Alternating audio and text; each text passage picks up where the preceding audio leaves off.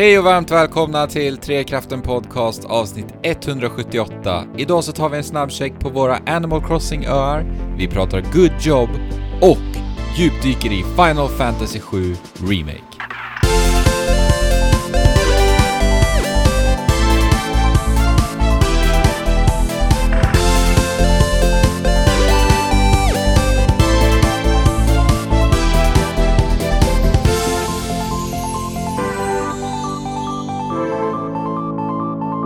Kommer det här flygplanet med eh, Trekraften-logotypen på sidan. Svävandes ner, landar på vattnet, men oroa er inte för det här är ett plan som klarar av att landa på vatten. Välkomna till Trekraften Podcast, där eh, jag sitter och pratar som heter Jesper Englin. Vi har också med oss Andrew idag. Hej! Hej Jesper! Kul att, du- att du är här med mig idag. Ja, och du har ju sett till att kolla vingarna innan så att de är isfria och sådär. Jajamän. Och visst Mm. var de det? Ja, det var skönt. Fabian är också här. Jajamän, Landningsställsmekanikern, även känd som i den här podcasten. eh, exakt. Eh, trevligt att få, få vara tillsammans med allihopa här. Ja, precis. Och detta allihop är ju på ett sätt lite mindre denna vecka eftersom att Ja. eh, Alex inte är med. Men det är också lika stort faktiskt för vi har med eh, en, en för Fabian mycket bekant människa, eh, nämligen din bror Erik. Välkommen Erik! Jajamän. Tack så mycket! Eh, bagageansvarig eh, blev du utsedd till. Eh, Ja, men det, det, den rollen tar jag gärna. noggrann och strukturerad med eh, bagage... Eh, ja, sorteringen helt enkelt. Ja, det måste man ju vara. Frågan är om Erik eh, är med på den här referensen om flygplanet. Nej, jag tror inte det. jag tror det flyger lite över huvudet. ja. Eh, just eftersom att eh, vad jag vet så spelar inte du, Erik, Animal Crossing. Nej, jag har inte gjort det. Eh, och det ångrar jag lite grann eftersom att jag förstår att ni, att många har haft väldigt roligt med det spelet. Eh, och jag har sett det på Discorden Alltså, ja. och, och så. Men jag har, inte, jag har inte gett mig in i det än. Nej, nej men det är ju Nej. en eh, referens dit eh, med det här flygplanet som man eh, kommer dels till sin egen ö, men även till andra eh, kompisars öar, så säger ju piloten eh, som heter Wilbur, va? Visst är det så? Just ja, Eh, han säger ju det att, eh, ja, vi kommer behöva landa på vatten, men oroa er inte för det här är ett flygplan som är gjort för att landa på vatten. Det är så här pontonplan. det. Ja. Och, och där väver in i hela eh, Nintendos fantastiska online-möjligheter som, som eh, är skärmiga men också väldigt långdragna. Man undrar ju hur, liksom vad som är hönan och vad som är ägget. Har de så här tänkt att åh, det är väldigt krångligt att komma ut online hos oss, vi måste liksom spicea upp den här upplevelsen lite med lite kul eh, writing eller, eller liksom, för det är ju, de har ju verkligen så här eh, de rättfärdigar ju allting, liksom alla laddningstider och alla konstiga frågor i spelet, i Mm. världen. Jo, alltså eh, förstår ju verkligen, verkligen tanken bakom det. Men i slutändan så blir det ju mer ett irritationsmoment och att, och att i alla fall jag stör mig mer på eh, de här långdragna eh, och charmiga dialogerna Mm. innan jag ska behöva göra någonting. Särskilt när man eh, börjar närma sig 200 timmar spelade. Då känner man ju Oj, verkligen... oj, oj, oj, oj. Exakt. Det, det är ju en, ett svart hål när det kommer till att sluka tid. Ja.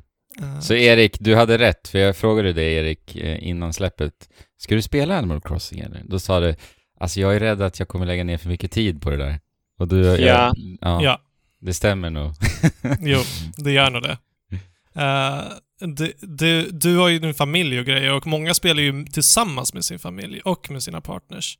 Mm. Eh, men ja, det kanske inte hade gått hem hos dig lika bra. Ja, det, hade det varit Super Mario, eh, det är det enda som går hem Okej. eh, hemma hos mig, då, då hade det varit det. Och jag tror säkert att Animal Crossing har varit ett spel som hade passat eh, dem i min familj, särskilt min fyraåriga dotter Saga som Mm. älskar, vi bor ju nästan på en bondgård. Nu är ju inte Animal Crossing kanske en bondgård, men det är, det är ju lite det tänket att man ska ta hand om sin Ja. gård och, och Exakt, exakt. odla grönsaker och liknande. Mm. Så det hade ju gått hem alla dagar i veckan. Men ja, nej, det blev inte så den här gången. Det var ett annat spel som hägrade där som jag ville lägga tid på. Just det. Fattar, fattar. Vi ska ta en kort incheckning snart eh, på våra respektive öar, eh, men vi kan väl börja i den änden. Erik, eh, det finns ju en specifik anledning till att du är här, förutom att det är liksom härligt att ha dig här, men, Men vi har ju haft ett ärende eh, till att bjuda in dig. Eh, vad är det? Kan du presentera varför, varför du är här? well. Jo, men eh, jo, jag, jag är väl här dels för att eh, faktiskt så har det pratats om tidigare att eh, jag ska vara med i något avsnitt. I typ eh, fem jag... års tid, så länge vi har haft den här podcasten. ja, ja, precis. Eh, jo, nej, men jag är en eh, trogen lyssnare till den här podden och plus så har jag liksom också följt er länge och eh, som sagt bror till eh, Fabian och eh, spelat mycket med, med Alex och Andrew. Och, men framförallt så är orsaken att jag är ett jättestort fan av Final Fantasy-serien och Final Fantasy 7 i synnerhet. Och nu mm. har det ju då släppts en remake på den här, det här spelet. Och, det blev det hela anledningen till att jag blev medbjuden och det känns ju jätteroligt faktiskt. Ja, det var, det var liksom eh, foten som fick vår ända att bli sparkad till slut. Eh, exakt. Ja, precis. Finns inget bättre tillfälle än just nu. Och sen ska ju sägas att kanske utan Erik så hade den här podcasten kanske inte ens existerat för att eh, Andrew och Alex lånade jättemycket spel Jajamän. från Erik när, han var, när de var små och, och eh, Erik är en jättestor inspiration för mig när det kommer till uh, min passion för tv-spel. Mm. Vilka fina ord. Trekraftens musa. Just, just det. och, och ja, Erik är ju också anledningen till varför jag levlar upp mitt spelande i Super Smash Bros Ultimate. För att Erik, du är ju min huvudsakliga sparringpartner i det spelet. Ja, jag, jag vågar nästan inte gissa på hur många timmar vi har spelat tillsammans, men det, det är långt över 100 timmar i alla fall. Ja, ja, tveklöst. Det är nog 200. Lätt. Häftigt. Jag har en viktig fråga senare i avsnittet, Erik. Det, det rör både Smash och Final Fantasy. Jag tror du kan ana vad jag frågar. Och det var lite roligt det där, precis eh, gällande Final Fantasy Remake som nu släpptes. Strax innan det släpptes här så spelade jag ju aktivt eh, Smash. Mm. Och jag hade ju börjat maina eh, Link rätt länge. Men det bara kändes helt rätt att byta tillbaka till Cloud. bara för att liksom göra sig redo för spelet. Men det är härligt med Smash, att man kan peppa kommande spel. I och med att det finns så sjukt mycket spel inbakade i Smash, så kan man liksom yes. peppa kommande. För det är som, eh, eh, Erik, jag vet att du vet inte om du minns, men eh, de eh, eh, arenorna som jag satte upp strax innan både Animal Crossing släpptes och även nu Final Fantasy, så ändrade jag ju arenamusiken till Animal Crossing-musik för att liksom mm. peppa lite extra ja, inför Animal Crossing. Ja, ja, men det stämmer. Det stämmer. Ja, ja det är kul. Och eh, det är ju så att eh, många får sin första relation till karaktärerna i eh, Smash och sen går man vidare till ja. eh, serien. För så gjorde ju Nils i, mm. igår. Vi, jag satt och spelade mitt på dagen för en gångs skull, så att jag spelade Final Fantasy 7 Remaken och då kom Nils hem från ett kalas och såg att jag spelade eh, och, och eh, kände igen någonting i miljön, men inte riktigt Cloud.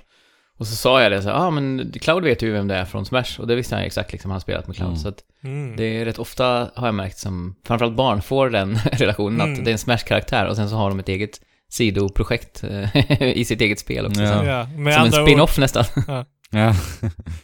Enorm PR-maskin är vad Smash är. Ja, mm. precis. Sakurai är eh, Nintendos viktigaste PR-anställda.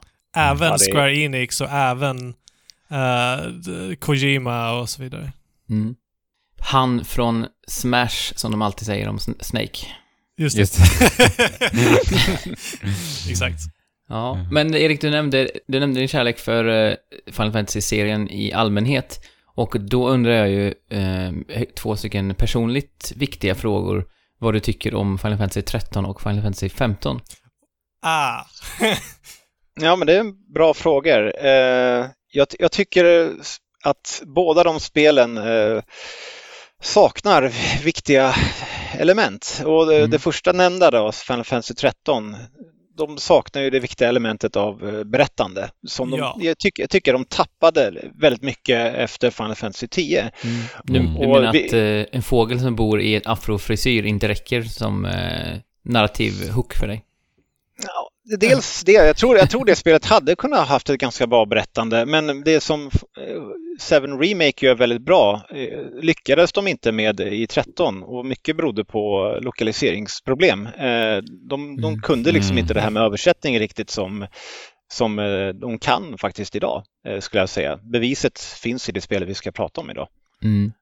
Eh, 15 spelade igenom hela spelet men jag, jag tyckte vissa delar av spelet var underhållande men det var samma sak där, berättandet föll platt. Mm. Jag tycker ju ändå att eh, i 15, som jag ju håller högre än de allra flesta kanske, så tycker jag ju att eh, karaktärerna och deras berättelser ändå f- ehm, har ganska mycket att komma med om man liksom eh, borrar runt omkring. Man kan ju titta på lite andemäss och grejer runt omkring också. Eh, men det ska man inte behöva göra, för det är ju ett spel liksom. Men, men det, det tycker jag. Men däremot i 13 håller jag med dig om att där var det i princip produktionsvärdena och fighting-systemet och, och fr- framförallt lightning då. Så, så, men det är det så här, jag tycker ändå det finns en hel del gött att hämta från 13, men det är absolut inte någon eh, fungerande helhet. Ehm, jag menar, Mm. den linjära korridoren man springer runt i, i typ, vad är det, 30 timmar, eh, är ju inte så kul. Och sen kommer man ut i öppna världen och den är inte heller så kul. så, Ja, exakt. Men ehm, ska vi... Ja. Ja. Jag, tänker, jag tänker att nu känner jag att jag bara vill dra massa referenser till Final Fantasy Ja. 7 Remake. Vi tar, vi, vi tar de här eh, diskussionerna lite senare i avsnittet. Vi tar först och eh, kliver ur det här flygplanet eh, med eh, kanske svajiga ben efter att Wilbur har tagit ner oss på, på våra öar. Och eh, vi kan väl börja hos dig Andrew som är nog den som har eh, lagt mest tid, frågetecken, utav oss som är här. Ja, jag har ju inte haft Final Fantasy 7 Remake att spela, så att jag antar väl det. va? Mm, jag det. li- lite bitter det måste jag ändå säga. Du frågade här i, i Discord-kanalen. Det var- Jag såg bara att du, hade, att du skrev det, sen inte vad som kom efter. Ja, Eh, har smekmånaden tagit slut? Animal Just det. Crossers. Just det. Precis. Nej men alltså, jag, jag eh, myser på i mina. I och med det du säger nu då Fabian, så måste jag ändå säga att jag, jag känner ju att smekmånaden börjar ta slut för mig. Mm. Eh, och det känns skönt måste jag säga. Alltså jag Mm. spelade ju liksom obsessivt där de första veckorna. Det var ju på riktigt alltså sju timmars pass många gånger. Ja. Oj. Och då satt, satt ju jag och min sambo båda två. Eh, och vi mådde ju inte bra av det Nej. faktiskt. Eh, så det känns väldigt skönt. Eh, nu spelar jag eh, mycket mer hälsosamt. Och det här rutinmässiga Animal Crossing-spelandet som är så synonymt med den här spelserien börjar komma för mig nu. Jag hoppar in och tycker att det är väldigt trevligt att återkomma varje dag. Jag gräver de här fyra, eller vad är det, två till fem fossiler man kan gräva upp varje dag. Lämnar in hos Bladders, eh, se till att få de här eh, möblerna som man, när man raskar på träd, två stycken om dagen och så vidare. Jag gör de här dagliga, rutinmässiga lilla Det sysslorna. visste inte jag. Att det är två möbler om dagen i träden. Ja, men det vet du det Fabian. Du ser. Mhm. Det här är ju en grej som är fantastisk med Animal Crossing, att det finns så här många eh, små grejer som blir lite som, som, eh, skol, eh, som skolgårds Verkligen. rykten, inte rykten, men, eh, men att det liksom sprids på samma sätt. Och det, Mm. det finns väldigt lite i spelvärlden idag. Vilket har traditionellt sett varit en stor del av spelen i sig. Ja men verkligen, och det är där jag drog, jag drog en referens till Breath of the Wild första gången vi pratade om New Mm. Horizons. Och det är där jag får den vibben lite. Alltså Mm. just skolgårdspratet som man fick så mycket i det spelet också. Så det är ju fantastiskt. Men eh, ja, jag fortsätter verkligen njuta av spelet. Jag har lite projekt, men som sagt, jag känner inte att... Jag känner inte samma motivation att så, sänka sju timmar utav hälsosamma skäl också då. men eh, jag har ju låst upp terraforming. Eh, så nu kan jag då eh, designa hela ön, eh, platta dit eh, terräng och ta bort terräng och skapa vattenfall och allt vad det är. Och när det hände, jäklar vad spelet öppnade upp sig alltså. Eh, och jag märker ju så här när jag nu har låst upp allt i den huvudsakliga progressionen i New Horizons, så tycker jag att progressionen var exakt så som jag ville ha den. För jag minns när vi pratade om det på förhand, att vi hoppades på att liksom gradvis eskalerade i vad man liksom låste upp och vilka möjligheter man låste upp. Och det görs ju så bra i det här spelet för att när du lär känna din ö så hittar du ständigt förändringsområden. Alltså du, du ser ständigt så här, "Ah, men där skulle jag vilja göra någonting sånt. Ja. Eh, men det är också väldigt mycket utav det. Men det snygga i prog- progressionen är att du, i, i och med att du får sakerna gradvis, så kan du alltid gå in och ändra på lite små saker under hela progressionskurvan. Så det är så himla härligt. Och när man fick terraformingen, då visste jag redan vad jag ville göra. Liksom. Mm. Så det var en så Visst. tillfredsställande liksom ny förmåga eller vad man ska kalla det. Eh, när jag fick, fick tag på det här. Eh, och det har jag lekt jättemycket med och det har varit skitkul verkligen. Sen är det ju så här, det tampas med begränsningar såklart. Vissa utav begränsningarna tycker jag är lite frustrerande. Det är typ så här, varför kan jag inte göra det här här? det, jag tycker att logiken i rutnätssystemet som ligger Ja. under ytan i Animal Crossing New Horizons är väldigt konstigt. Ja, det är konstigt. Det känns inte konsekvent liksom. Bara, men varför funkar det här här, men det funkar inte här? Varför, Nej, kan, bro, varför kan broar placeras diagonalt, men inte vägar och in, du kan inte rotera hus diagonalt? Alltså varför, typ?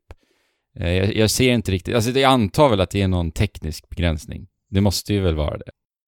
Och, och typ vissa föremål kan du placera och du kan röra dem i halva rutor. Men vissa andra kan Mm. du inte göra det. Så här. Nej. Men är det någon, är det, är det feng shui-problem Just det här vilar på? Ett eh, strikt system som japanerna har satt, satt plats för att det ska Ja. funka enligt... Ja, det kan det säkert vara. ja, nej men det, så det är lite så här enerverande. Men samtidigt, när du stöter på de här begränsningarna, ja då får man väl vara lite kreativ och komma runt det och komma på något annat för att göra det snyggt ändå liksom. Så att, Ja, precis. Hur mår dina uh, mm, grannar? de mår bra.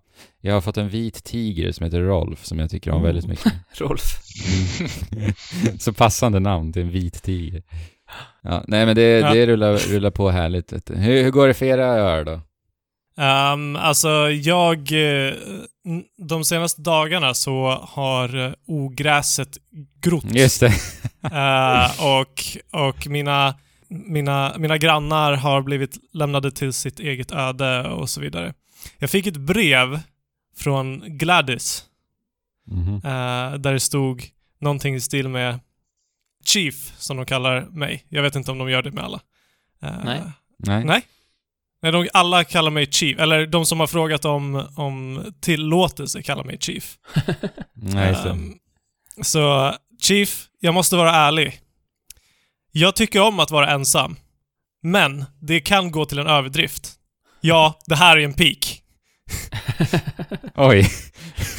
Vad skarpt. Eh, Ja. ja. så att Gladys som bor där är väldigt, väldigt ensam. Eh, eller nu, nu efter det så började jag gå och, och fokusera på henne lite mer. Men de senaste dagarna så har jag inte besökt mina överhuvudtaget. Av anledningar som vi kommer in på senare. Exakt. Eh, för att, ja, för att jag har behövt fokus, fokusera tiden på andra saker. Men egentligen så är ju det här, det behö, du behöver inte spendera så mycket tid egentligen. Nej. Det är bara att liksom hoppa in och hoppa ut ja. lite. Så att jag har lite dåligt, eh, eh, dåligt conscience just nu Mm. när vi, när vi pratar om, om våra härliga öar och våra härliga eh, grannar. Men eh, du har inte låst upp terraforming? Jo, jo. Det Ja, är har länge, länge, länge sedan. Mm. Och jag, jag, håller med, jag håller med om vad du säger. Men genom hela spelet så har jag på något sätt haft i bakhuvudet hur jag vill ha det i slutändan. Och eh, dels har vi saker som att ibland så funkar det inte så som man har tänkt sig eh, och så vidare som har satt käppar i hjulen. Men också att så här, jag har byggt upp allting för att jag hade tänkt att det skulle vara på ett visst sätt när jag väl fick sakerna. Men nu när jag har fått sakerna eh, så, så börjar jag bli alltså, tröttna lite på allting. Alltså typ att alla, alla föremål går sönder som du använder. Ja. Eh, jag menar, från början så kändes det som att det hade, att det gjorde sens. Men nu är det bara ett irritationsmoment. Mm. Eh, och det känns som att eftersom att allting i princip inom citationstecken är färdigt nu så känns det inte motiverat att, mina, att alla verktyg ska gå sönder. Nej. Det känns som att man knappt hinner använda dem innan de går sönder igen. Mm. igen. Jag håller helt med. N- Jag, när man, jag, jag tycker att den mekaniken är jäkligt... Alltså jag ifrågasätter verkligen den rätt mycket när jag spelar det här spelet. Alltså särskilt som du säger, när man ja men är... i endgame. Ja, verkligen. Och du vet, man kan ju låsa upp så här guldverktyg. Ja, jag har hört talas om det, men... Jag tänkte ju så här, ah vad skönt. Självklart kommer de här hålla för evigt. Jag fick en slangbälla. Sen Ja. igår, igår kväll fick jag upptäcka att den gick sönder. Nej! Jo. Och den kostar ju du vet såna här gold nuggets som är väldigt åtråvärd eh, resurs dessutom. Ja. Och men den håller länge. Men den går sönder. Det är så Alltså- jäkla konstigt. Och jag håller verkligen med. Varför går de sönder? Jag har tänkt på det liksom designmässigt. Jag antar väl att de vill putta in en i eh, att samla på sig material. Alltså Precis. när, när det går sönder så vill de få dig att gå ut och samla lite material. För det Precis. kommer också gynna dig i att saker du kan bygga och så vidare. Det är väl den Exakt. loopen de vill ha in en i. Men Och i början funkade det bra. exakt, precis. Men nu, när man bara vill ha så mycket material som möjligt och bygga de sakerna man vill till liksom Ja. sitt your heart's content, eh, så är det bara jättejobbigt. För att du behöver Mm. så pass mycket material. Och om Verkligen. du går varje dag så blir det bara liksom ett hinder att ta det över. Men eh, ja, jag skulle ju föredragit att få eh, vägarna lite snabbare också. För att liksom vägar känns ganska som en basal grej när du bygger en by. Jag kan rekommendera att skaffa en partner som älskar att eh, traska runt i det vardagliga i spelet och eh, samla på sig ett helt förråd. Alltså hela hennes eh, förråd eh, i huset består av råvaror. Ja, Eh, för att hon älskar att typ skaka träd och Okej.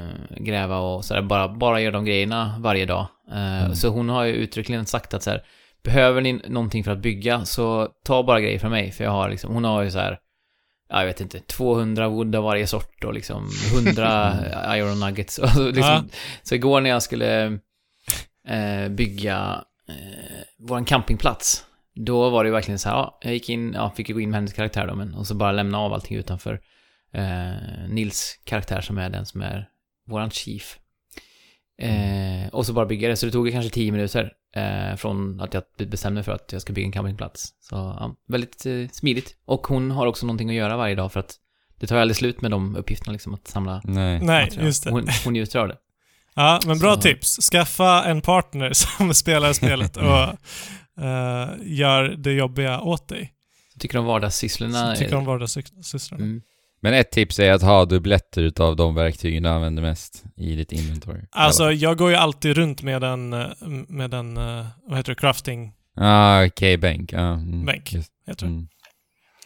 Just. Jag fick eh, rapport från nedervåningen precis, ett sms här. 91 kronor hos oss. Skriver Elin bara. 91 Kan ni gissa, gissa vad det refererar till? Jag lägger ju majoriteten av min speltid på kvällstid egentligen. Och vad jag har förstått genom att jag har hört eh, från er som spelar är att Animal Crossing så följer ju eh, tiden, den verkliga tiden. Mm. Så om man ska göra någonting liksom, som sker på dagtid i spelet så måste du spela under dagtid. Så för mig då som lägger mest tid på kvällen, passar det att spela ett sånt här spel? Ja, alltså du kommer ju missa en del saker, definitivt. Ja. Ja, Men ja. det är ju också en del av liksom, vad spelet är och eh, som sagt, du, du skulle kunna bara gå in och spela en kvart på dagen för att göra det du hade tänkt göra liksom. Som, Mm. Mm. som är begränsat till dagen. Eh, och sen har du helgerna också. Jag menar, alltså det är inte realistiskt, i alla fall i, i den i den Animal Crossing-psykos som vi har varit i, att spela bara 15 minuter i en, i en sittning. Men det, det tror jag absolut. Alltså det är ju också en del av vad Animal Crossing är. Och som sagt, eh, n- flera användare kan spela på din ö. Ja, precis. Om, om du får familjen fastna för spelet så öppnar du ju snarare som familjepappa då upp eh, oanad speltid på dagen Ja. på helgerna till exempel. För att eh, så är det ju i vår familj. Jag har ju en sjuåring, eh, Nils då, och eh, Greta som är tre. Och eh, både de och eh, eh, Elin då, min fru, hon är, de har ju fastnat allihopa för spelet. Så det är ofta, alltså på helgerna och även i, i fredagskväll satt vi liksom allihopa och spelade lite, ja, någon tittade och ibland spelade två och sådär. Men så det blir ju verkligen någonting som vi gör tillsammans och då tar man ju inte tid från varandra när man spelar utan då kan man ju få göra det även på dagtid eh, när man kan. Så att, ja, eh, det har verkligen varit extremt mysigt. Det är första, Mm. första eh, den typen av upplevelse som, sen vi blev fyra då, för tre år sedan drygt, som vi har samlats kring ett spel och alla tycker det är roligt och alla liksom pratar om, om jag, någon samlar på paraplyn och då köper alla andra paraplyn åt, åt den personen och någon har mer pengar, då kan den uppgradera huset åt den andra, och, eller lämna pengar utanför huset så den kan uppgradera så här. Det är Ja, det väldigt, låter ju härligt. jättemysigt. Ja. Mm. och igår, Verkligen. igår så hände det hur mycket saker som helst, för då fick vi campingplatsen, vi fick Able Sisters-butiken och eh, jag uppgraderade mitt hus till övervåning, så nu är det liksom, vi är fortfarande mitt i, jag ska säga vi har inte kommit in lunken än, utan vi är fortfarande mitt i liksom det här Ja, ruset. underbart ju. Mm. Nej men jag älskar ju spelet fortfarande, herregud. Eh, Jag tycker fortfarande att bara designa och dekorera, det är någonting det här spelet gör. Det är bara så tillfredsställande. Alltså allting Mm. ser så bra ut. Mm. Och ja. idé, idéerna som bara blommas ut i mitt huvud, de slutar inte komma på något Nej. sätt. Nej men det är ju ett inspirerande spel. Alltså det verkligen. här spelet, det, det är bara en fröjd att röra sig runt och springa fram och tillbaka på ön. Eh, med, med alla ljud, alla detaljer och alla fantastiska modeller. Det, och ljuset, det är bara... Ja. Så här mycket har liksom Elin, jag har aldrig sett henne, vi har varit tillsammans i 18 år och jag har aldrig sett henne spela ett spel så här mycket. Eh, så det tar, Nej. talar ju även till de som inte är liksom superinbitna spelare. eh, med alla de här detaljerna som Mm. vi pratar om. Jag gjorde ju om våran uh, by-tune, eller ö-tune, till uh, Totoro uh, Ah, musiken. Mm. Så det är också en sån där sak som, då den kommer ju fram i en massa olika versioner också, beroende på vart man är och vem man pratar med. Just Eh, det. Det är en så också- bra detalj bara det. Ja, det är det. Ja, Och det, det beror lite på den karaktärens röst liksom, hur den låter. Och Ja. eh, klockorna som slår varje timme, det är Mm. också bylåten. Som, Väldigt långsamt sådär, ja. slår de. Ja, Ja. Nej, men härligt. Vi som sagt kommer ju tillbaka till Animal Crossing. Vi kommer göra det i betydligt större omfattning också eh, inom en snar framtid. För vi, ska ju, vi har ju fått ropen skalla Animal Crossing special åt alla. Eh, det Jajamän. var ju väldigt eh, mycket prat om det i Discorden och Ja. så. Och vi själva behöver väl breda ut oss ännu mer kring det. Så att vi, vi vet inte riktigt exakt när tror jag än, men vi kommer i alla fall återkomma med en eh, specialdedikerad till Animal Crossing. Uppenbarligen är det väldigt enkelt att prata om det här spelet. Ja, alltså vi, jag trodde inte vi skulle prata så här länge idag. Fem, fem min tänkte jag. Herregud! De säljer ju... Det är ju rovdag idag. Ja, Japp. Medan vi ni spelar köpt- vi har Har ni- valt den sämsta inspelningstiden man kan i Animal Jävla. Men jag har lite plåster på såren att komma med. Som sagt, 91 bells hos mig, så ifall ni smyg eh, loggar in samtidigt som vi spelar in så kan ni komma till mig och handla om det har dåliga priser. Fabian, du kan göra det när jag pratar om nästa spel här, Devil May Cry Ja. 3. Okej, det behöver jag inte lyssna på. Oj. det behöver jag inte höra. Om jag, jag ger det ett okej, det är okej att gå och köpa rovor hos Jesper nu. Vänta, jag ska gå och kolla vad jag har. Nu kom min switch in i, i rummet här samtidigt. Elin kommer leverera switchen as we speak nu. Oj, oj, oj. Eh, Så att eh, jag kommer också att eh, ad, administ administrera min, eh, min ö samtidigt som vi pratar om... Ja. Men precis, Q Andrew, Devil May Cry 3. Ingen lyssnar, alla spelar Animal Crossing. Monolog nu då. Nej men eh, precis Andrew, du har, du har spelat det purfärska eh, spelet Devil May Cry 3. Och det är för att det Mhm. finns en specialversion nu eh, i lite upphottad. Vad jag, jag vet väldigt lite om den här versionen, men jag antar att den är, att den är upphottad i alla fall. Ja, precis. Jag spelade Devil May Cry 3 Special Edition till Switch alltså då. Mm. Och det passar sig lite bra på ett sätt också för att många har ju jämfört eh, stilen på striderna, om än inte kanske kontrollen i striderna, med Mm. eh, FF7 Remake, för det är väldigt spektakulära eh, fighter i, Mhm. i det spelet. I Devil May. Cry 3? Nej men i, i Final Fantasy 7 att det har Rör lite sig så, lite mer Devil May Cry, ja. Mm. Att det är det här spektakulära set piece. Eh, Men hur det ser ut, inte hur det spelas. nej exakt, alltså kontrollmetoden är ju inte alls den samma nej. flödande. Men det kommer Mm. vi in på sen. Mm. Men eh, på, eh, jag har känt lite på Devil May Cry 3 eh, och tyckte då på den tiden, på PS2 var det va? Ja. Ja, eh, att det var spektakulärt och väldigt så här, eh, flödande eh, och det var imponerande. Hur känns det att spela Devil May Cry 3 2020? Ja, det här är det är det som är så imponerande med det här spelet. Alltså, Devil May Cry 3, det har varit ett spel som har gnagt hos mig ända sedan det släpptes egentligen. För ni, ni vet ju, och jag tror att många lyssnare vet, att jag älskar de här spelen. Mm. mm. Alltså Mm. action-arkadspelen. Ja, action, hack and slash, arkad, whatever, vad nu kallar de. Character action brukar de kalla det borta i, i staterna vet jag. Men så här, jag älskar de här spelen. Devil May Cry 3 har jag inte spelat och det har verkligen varit någonting som har gnagt hos mig i alla år sedan det släpptes liksom. Eh, och nu kom den här Switch-versionen. Eh, och det de gör då i Switch-versionen är att de har lagt till vad de kallar för Freestyle Mode.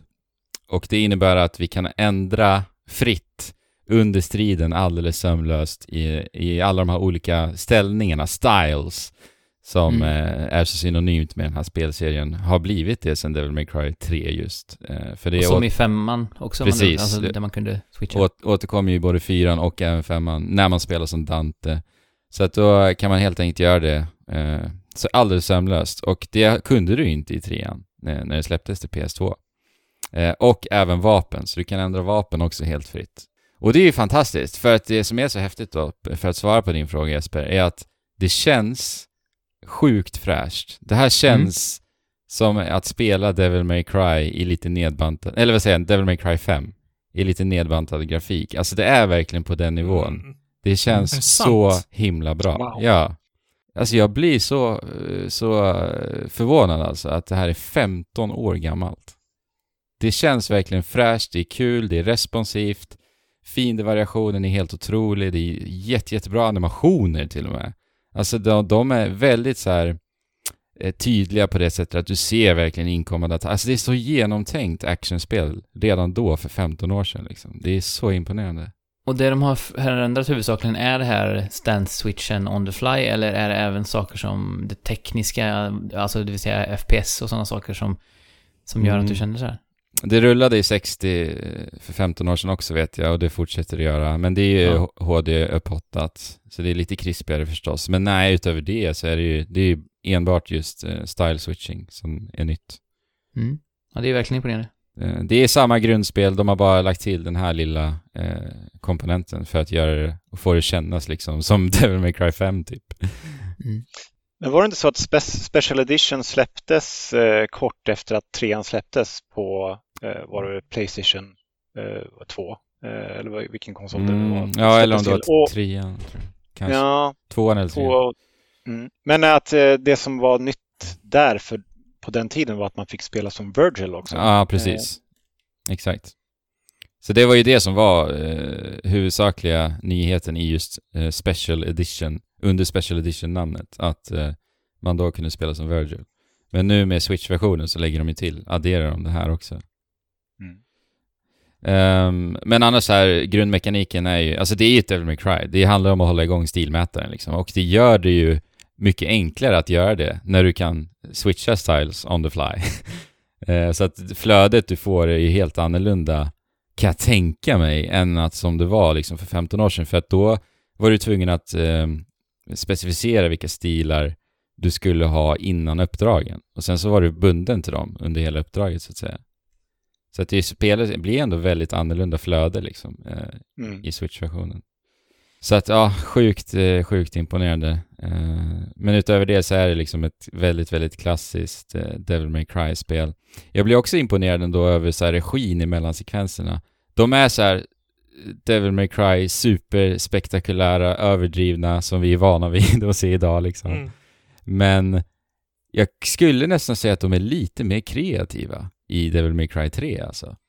Bara första mötet, när man möter Dante första gången, första typ mellansekvensen man ser honom i, så typ flippar han ett biljardbord och kulorna liksom börjar fly, flyga i luften så här. och sen så skjuter han ett pistolskott på den vita biljardkulan som den, den då gör att alla andra kulor eh, bara skjuter iväg mot fienderna och bara dödar alla fiender med biljardkulorna. Alltså det var Alltså- bara så här, så kul bara. Japansk action när den är som bäst. Ja, verkligen. Vem är det som står för eh, den här versionen då? Det är Capcom. Ja, det är de själva. Ja. Mm. Precis. Och det bådar väl ganska ofta gott eh, när det är personer som har en sån grund, grundlig förståelse för vad som gör spelet och spelserien speciell. Mhm. Eh, ibland kan det ju vara lite lurigt att lägga ut det på entreprenad för att man tappar någon viss liksom, feeling för det, även om det såklart Mm. finns en dialog mellan eh, den som gör uppputsningen och den som är original. Men ja, Ja men det här är ju liksom en, en fan favorite, Devil May Cry 3 just. Det är många som anser att det är det bästa Devil May Cry. Det är ändå så här fint att se att Capcom bara tar tiden att implementera det i en Switch-version liksom. För det här har ju gjort många fans jätteglada. Det har ju typ blo- blommat upp speedrun-communityt i Devil May Cry 3 ytterligare nu också. För att det spelas ju som sagt ändå väldigt annorlunda. Hur långt har du tagit dig i spelet hittills då? Jag är klar. Alltså jag spelade ju det här innan hela den här galna spelvåren. Det här var ju mitt eh, commute-spel, det jag spelade på tåg fram och tillbaka Aha. till arbetsplatsen. Men sen så eh, kom spelvåren. Ja, exakt. Innan Animal Crossing och Doom och alltihopa. Eh, så Ja, jag tänkte innan stanna hemma. Ja, exakt. Precis innan. Vad vad konstigt det känns Ja, att du har... precis. Ja, det var precis innan stanna hemma-tiden. Men jag avslutade spelet nu i veckan faktiskt. Jag hade typ bara två uppdrag kvar. Så det var, pausades där fram till nu. Liksom. Men nu är jag klar. Tog väl en eh, 12 timmar ungefär. Klara Mm. igenom. Så det är en rekommendation om du vill ha ett hack and slash action-spel till Switch alltså. Riktigt, eh, riktigt bra. Ja, imponerande. Att, Mm. ja. Men sen är det ju så här plattformsmoment, ni vet. Så här, man vill ju ha lite andningspauser mellan strider. Väldigt rudimentära pusseldelar och sådär. Jo, Där känner man ju av liksom PS2-eran. Men striderna, alltså wow, de håller helt och hållet. Mm. Good Wow. job Capcom helt enkelt att eh, en så pass bra ny version av... Capcom är skillade på det där att göra, sina, att göra spel och att släppa bra nyversioner. Skillade Ja. på att göra spel. Ja men eh, precis, eh, eh, Resident Evil eh, remakes och så vidare. Exakt. Mm. Och eh, då önskar jag ju bara, jag har en enda önskan Capcom och det är att ni då eh, övertalar era japanska kollegor på Konami att göra en remake, eller kanske tar över remaken på, på um, Pro Evolution Soccer 6, som är det bästa sportspelet genom tiderna. Ah, jag trodde, Ah. Du, jag trodde du skulle säga Dino Crisis. Mm, ja, jag tror att Time Crisis har nog fått ett eh, oförtjänt gott rykte. Okej. Bara för att det är dinosaurier, eller? Ja, exakt. Jag, jag spelade ju spelet då och tyckte det var supercoolt. Eh, Mm. Men jag tror att, jag, jag, vad jag har förstått liksom av folk som har återvänt till spelserien så verkar det vara ganska, ja, Mm. det är verkligen så här ett sämre Resident Evil men med eh, dinosaurier ungefär. Men, men vi behöver ju fler dinosaurier i spelvärlden. Så att det om är de, gör, en sak som är säkert. om de Ja. gör en remake så kanske det blir, blir bra. Mm. Ja, reimagining kanske. Ja. Men som sagt, good job Capcom. Och eh, det för oss in på nästa spel som råkar heta Good Job Nej men, är det sant? Ja. Eh, Ett spel som de utannonserade under den senaste Nintendo Direct Mini. Som Mhm. jag älskar det namnet. Eh, låter som en konsol. Eh, och vi... Andrew, du har spelat det mest tror jag. Jag har också tagit mig an det Mm. tillsammans med, eh, med Greta. Just det. Eh, första spelet egentligen, jag och hon. Eh, av den sorten, lite, lite mer avancerat spel eh, som vi spelar tillsammans. Eh, liksom, ofta är det annars att jag och Nils börjar och sen kommer Greta in sen, men det här var mitt och Gretas spel. Och vi Mm. eh, skrattade ju oss eh, eh, halvfördärvade emellanåt åt det här spelet, därför att eh, det är ju ett spel som uppmanar till en massa dråpliga situationer. Ehm, spelet i grunden är ju ehm, ett fysikbaserat, vad ska man kalla det? Problemlösarspel. Mm. Ja, jag skulle säga det. Man eh, kan ta tag i, alla saker som finns i världen och eh, manipulera dem. Och sen är det massa olika uppdrag på, eh, på vägen, till exempel att ja, men det är, kan vara ett gäng eh, figurer som smyger ut från ett möte och sen kommer chefen på dem att åh nej, vad håller ni på med? Och då får man liksom åt den här chefen gå och hämta folk på kontorsstolar, dra dem på deras kontorsstolar in till, Mötes, tillbaka till mötet. ja. Ja. Eller typ byta ut en projektor som har gått sönder eller sådär. För vi Eh, spelar ju som, som en slarvig son till en chef på ett stort företag typ.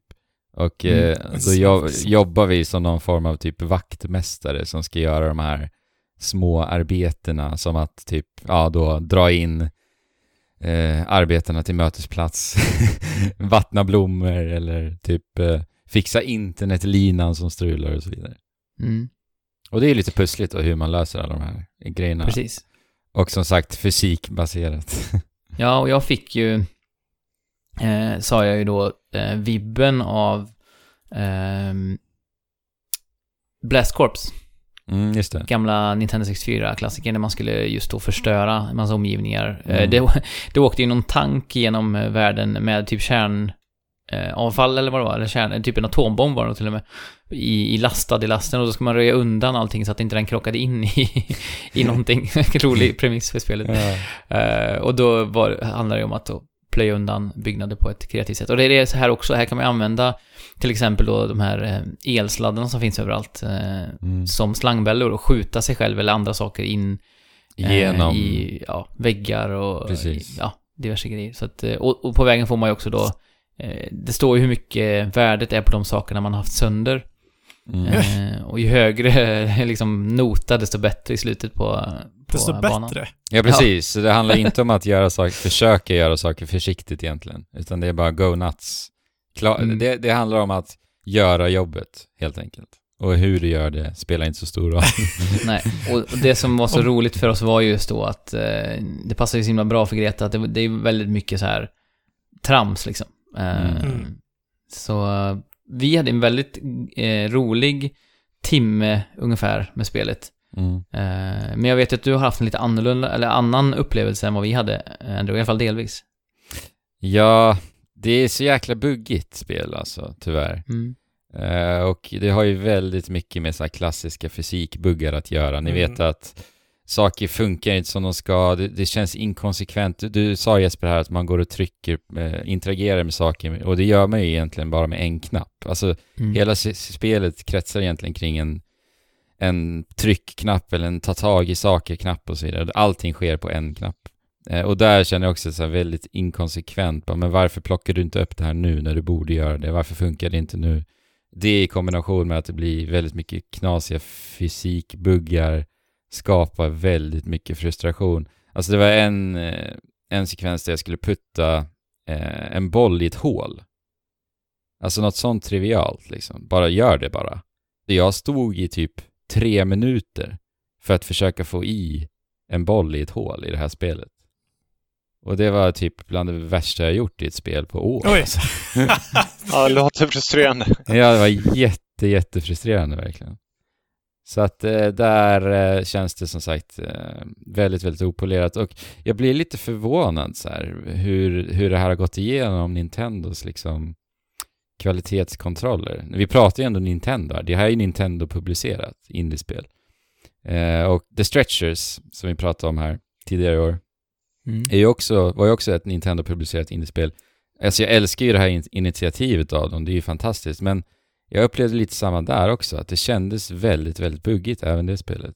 Är det en konsekvens av att de eh, öppnar upp sig lite, Nintendo, på det här viset att eh, de publicerar eh, indie-titlar och de eh, släpper lite på sin så här otroliga styvnackade stil Ja. som de alltid har haft tidigare och då kanske det är det här är priset man får betala. Kvaliteten blir inte det där Nintendo 100% i alla vrår hela tiden. Kanske. Nej, men precis. Jag har inte så, här så kul ändå som jag trodde med spelet i slutändan. Eh, I början, inledningsvis tyckte jag ändå att det var lite småkul. Alltså det är som, som roligast lite småkul än så länge. Jag har väl kommit drygt halvvägs. Eh, man rör ju sig upp för våningar i spelet på det här stora företaget. De har ju lite så här distinkta teman också, så är det alltid någon liten så här unik eh, mekanik liksom som är bunden till det temat och sådär. Eh, men eh, ja, ingen så här superhit för min del än så länge. Som sagt, mycket frustration alltså.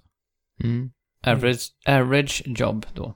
Ja, precis. För det är ju inte dåligt heller. Förutom det där bollsekvensen då, det var dåligt. Ja.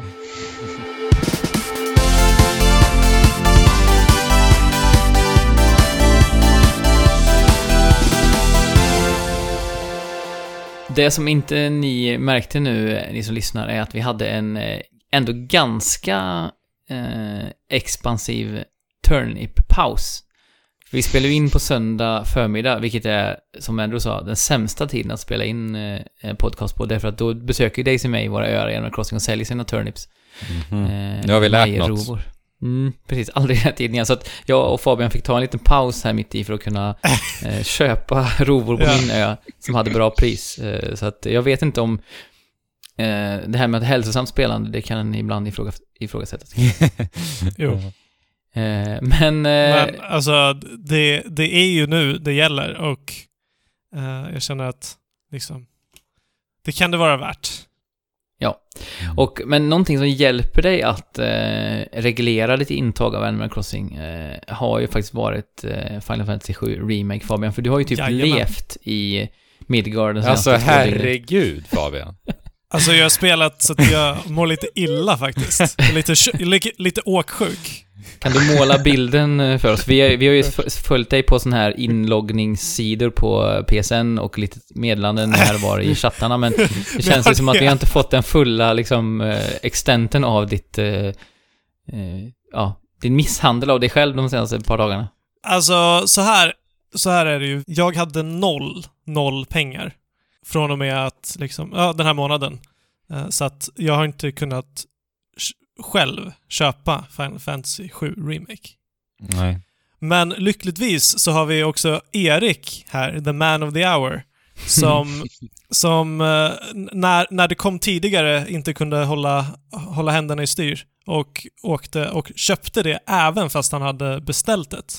Så att så fort det kom till Erik så skickade han det till mig, alltså det som han beställde, så skickade han det till mig. Och det kom här i torsdags. Mm. Eh, Alltså förra Mm. torsdagen. Trekraftens frälsare, Erik. Exakt. Då var jag tvungen att jobba, så att då kom jag hem på fredag morgon eh, och satte igång och sen så har jag i princip inte slutat förrän nu. Hur många timmar har du fått in sen eh, fredag, fredag morgon till söndag morgon? Jag tror att det står att klockan står på 26 timmar. Så att, Wow. så att Mm. det... Det hade ju kunnat bli lite mer. Jag hade ju räknat så här 16 plus 16, eh, det är 36 timmar. Eh, Men nu blev det inte riktigt så eftersom jag inte började jättetidigt på fredagen. Mm. Du la upp en liten bild i våran interna chatt på en eh, kaffekopp och Final Fantasy i bakgrunden. Och då var väl klockan kanske typ nio eller något så? Ah, Kvällen. 9 10. Ja, så skrev du Jag dricker ju vanligtvis inte kaffe efter sex. Nu, är, Exakt. nu är det på riktigt. Ja, eh, jag, om jag dricker kaffe efter sex så kan jag inte sova sen på kvällen. Du skulle ju inte nu sova, var så ju det tanken inte att sova, så att det var ju jätteskönt att bara släppa alla kaffehämningar. Ja. När stängde du av eh, maskinen eh, på... eh, Ja. Det var inte så sent. Eh, med tanke på att jag har en ganska, eh, ganska normal rytm numera. Eh, Mm. Men det var väl tre... Okej, tre För mig är det skitsent. det, det är sent, men alltså om, om man tittar tillbaka på tidigare delar i livet så hade det kunnat Jo, jo, vara nej, betydligt liksom, senare. Ja. Eh, ja. Så att jag satte igång och sen så har jag i princip inte slutat att bara, bara välla i mig den här världen i Midgar. Inte världen, Midgar, staden. mm. Vad heter världen? Gaia. Gaia, Aha. som Moder Jord. Just ja. Mm. Det är, det är, väldigt, det är väldigt tydliga referenser. Liksom, i, Mm. som vanligtvis. Har du börjat se sådana här eh, Mako-streams och sånt runt omkring dig nu? Eh, som det kan bli ibland när man spelar ett spel väldigt mycket. Ja, alltså Mako Poisoning är ju ett faktum. Du har gröna ögon numera. Exakt. Eh, och börjar, börjar hallucinera och så vidare. Men det kan vara värt. Det är ju det vi ska prata om. ja, men Erik, du som har, eh, är här speciellt eh, för Final Fantasy 7 remaken. Hur ser din, ditt förhållande ut till originalet? Ja, nej men som jag touchade på där i början så var det ju ett spel som gjorde väldigt stort intryck på mig. Mm. Eh, det kom ju där kring eh, ja, 97, men jag spelade väl inte det egentligen förrän 99 tror jag. Mm. Och då var jag väl 14-15 och eh, mitt under tonårsutvecklingen och eh, fick liksom grotta ner mig i ett spel som eh, jag verkligen eh, hade berättandet i, i, i kärnan liksom och, Mm. och, och älskade ner mig i de här karaktärerna och berättandet och historien och, och spelet Musiken. och mekaniken och allting och musiken såklart. Mm. Och nej men det, det var liksom, det kom perfekt för mig. Mm. Och under en, en tid där jag verkligen eh, kunde ta in sånt. Mm. Jag tror också för många att det var en av de första upplevelserna av det du sa, det vill säga att, och det här är en ganska allvarlig berättelse, det är mycket fokus på berättandet och så. Det hade man inte riktigt, i alla fall inte jag, eh, så ofta sett i spel dittills. Eh, Så jag tror många känner just det här att det var en viktig berättelse, lite också tack vare att det var den första eh, liksom, spelberättelsen som gjorde det med en på något vis. Ja, absolut. Samtidigt som originalspelet är lika mycket alltså, allvarligt som det är jätteknasigt. Ja, Mm. precis. Och, och det är verkligen någonting som jag personligen uppskattar jättemycket för att jag tycker ju, jag, när spel blir för allvarliga och tunga så tycker jag det är påfrestande eh, och jag gillar dessutom trams väldigt mycket generellt sett och i spel. Så för mig är det liksom eh, originalet eh, en så himla bra balanserad upplevelse. Just mellan att så här, använda den här tunga berättelsen om, om livsblodet från planeten och människor som liksom lever i desperation, men också eh, chocobos och liksom, eh, ja, diverse knas som ramar in det hela. Så, eh, men Fabian, du har också, eh, du har ju en, ett rykte om dig att du skulle ha haft en cloud-frisyr en gång i tiden, så jag antar att du har också Nej, en... nej, nej, nej. Det har jag aldrig haft. Inte en cloud. nej. Eh, vi har ju pratat eh, mest om Noctis då, Ja, just i det sammanhanget. Mm. Final från Fantasy-frisyr Fantasy, skulle vi kunna säga. Så, ja. Mm. Men vi kan Men- väl då säga att eh, på samma sätt så har väl Erik varit den som eh, är mest lik och velat uh, förkroppsliga Ide- identifiera Cloud, sig. identifierat sig med Cloud Strife. Är det inte så? Lite. Jo, absolut. Och eh, jag kommer ihåg det när vi sprang runt eh, hemma på eh, Fabians hästgård där och eh, med pinnarna i, i högsta hugg och jag, jag åtta, var åtta, tio år äldre och liksom nu ska vi fightas Ah. som Cloud i Final Fantasy 7. och sen så kastar vi magi här på varandra också och då ska du Exakt. ligga där för jag, jag, jag kastar först. Exakt. Ja. Ja, nej, nej, men man, det var verkligen så. Man, man levde sig in i, i, efter det här spelet och det gjorde jag långt efter. Och det var liksom det som fick mig att komma igång med den här serien. Och sen så har man då längtat efter att få återbesöka eh, det här spelet. Och det, det som ni kanske alla känner till, det, det var ju så när Playstation 3 skulle släppas så eh, Mm. gjorde ju Square Enix en, en sån här technical demo Ja, Just där det. de, där de skulle egentligen visa upp vad eh, konsolen var kapabel att göra. Just det. Och, Just och, det det. De gjorde, och det de gjorde då var att eh, de återskapade i, liksom in-game grafik hur Final Fantasy 7s inledningsscen skulle se ut. Det hade jag och, helt eh, glömt. Ja, och spelcommunity blev ju helt tokiga.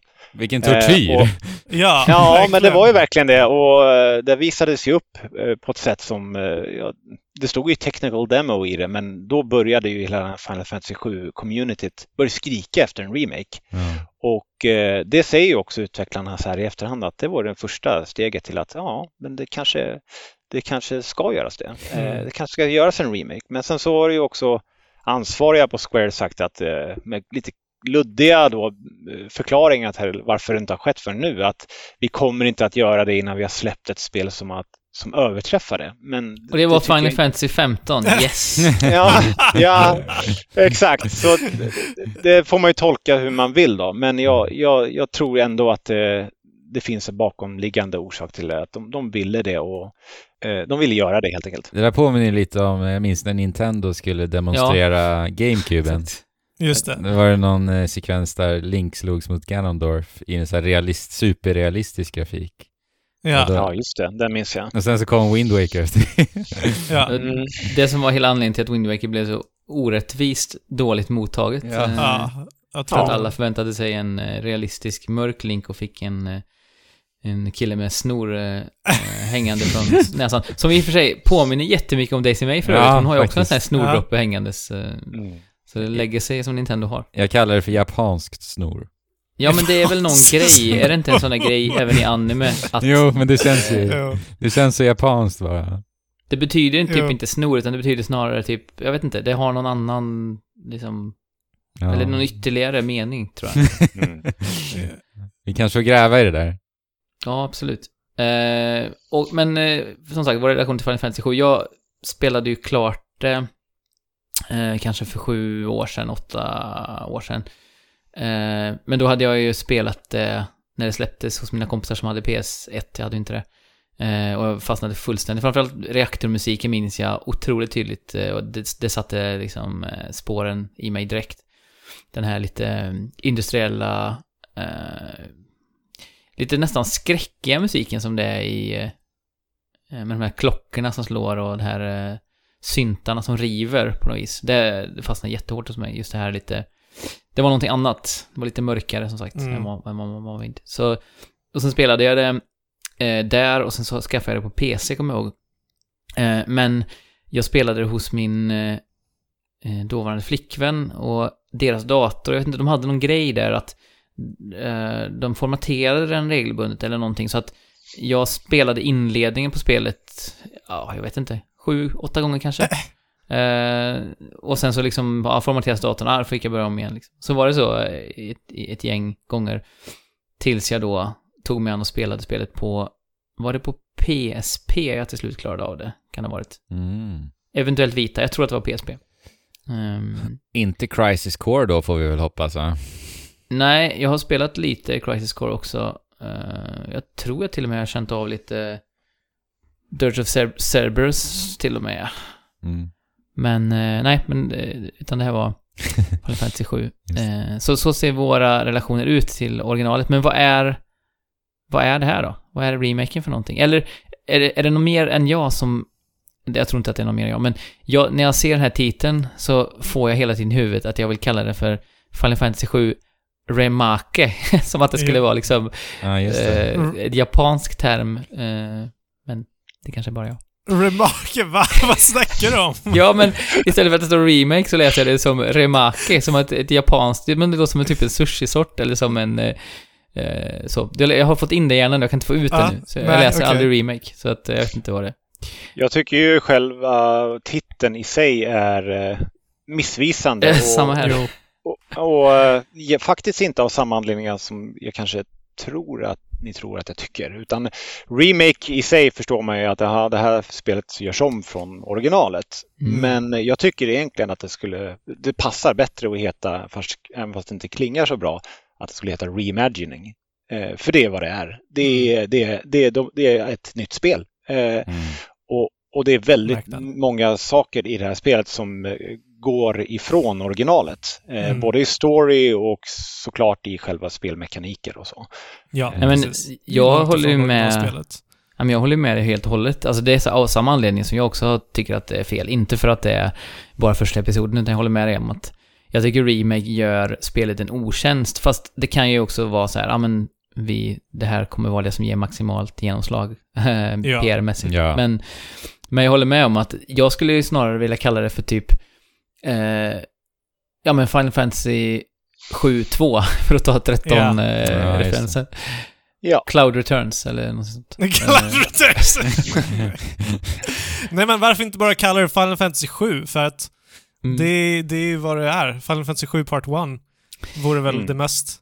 eh, God of, War, God of War gjorde ju det. De eh, började precis. om på ny kula. Det, det verkar ju Eller fungera. de fortsatte ju. Uh, till. Ja. Men, Ja, men jag jag- menar, det här är ju Final Fantasy 7 i en helt ny skepnad. Det hade inte varit konstigt att kalla det bara Final Fantasy 7, tycker jag.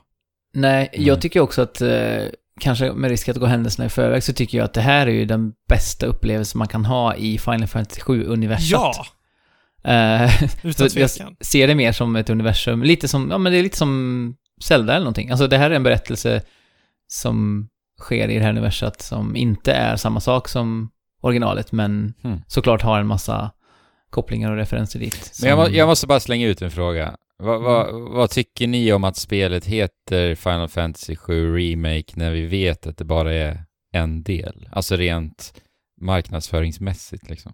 Jag kan tänka mig, alltså det för det jag tänker på, är att liksom det finns otroligt många spelare där ute som inte följer liksom spelmedia på samma sätt som vi gör. Som Mm. ser det här spelet i butiken och ser Final Fantasy 7 Remake, Cloud är på framsidan på förpackningen. Då tror jag man förväntar sig att få Final Fantasy 7 Remake som innebär Precis. hela spelet, eller? Jag, Ja. jag håller med till viss del faktiskt. Jag tycker att eh, jag förstår varför de har gjort det. Det, det är ett marknadsföringsmässigt självmord Ja. att, att göra något annat. Eh, men sen så kan man ju diskutera om, om man tycker att det är liksom girigt av dem att inte göra på något annat sätt. Men med tanke på att det utannonserades om att det var en begränsad del av originalspelet för flera, flera år sedan, att det står på boxarten, att eh, det har framgått i flera olika artiklar och videointervjuer så tycker jag till slut att det faktiskt eh, det är lite grann upp till konsumenten att investera lite tid i vad, vad är det för någonting jag köper. Eh, och är det så att man blir besviken då att det inte är hela, hela storyn, ja, men då, då, då får det stå för dem. Plus att om man har så höga förväntningar av det jag har spelat hittills, att man blir besviken på vad, vad man får, alltså Ja, mängden exakt. eller densiteten, då, då har man ju helt, helt eh, orimliga förväntningar. Ja. För att eh, jag tycker det här spelet står för sig själv helt och hållet. Eh, Ja, men det kan ju delvis handla om att de var väldigt bekväma i, i det beslutet också, helt enkelt. Att Mm. kalla det på det sättet. Ja, och en annan sak som, som jag tycker är ännu bättre liksom, förståelse till varför de har gjort det till flera delar är ju framförallt för att eh, de ville ju ha med så mycket innehåll från originalspelet som möjligt. Mm. Och det går inte med, med dagens teknik. Nej, att, precis. att göra Final Fantasy 7 eh, OG eh, i ett spel, om, eh, då måste de då måste de offra upp väldigt mycket innehåll och Exakt. det ville de inte göra. För de ville ju att eh, spelarna skulle få uppleva de här scenerna och karaktärerna och interaktionerna Mm. fast i modern tappning. Mm. Och då, då var det här det enda sättet att göra det på. Exakt. Jag, jag tycker att de har gjort exakt rätt val ehm, i, i allt det här, i hur de har gått tillväga. Eh, för att ge oss den här historien som är Final Fantasy 7.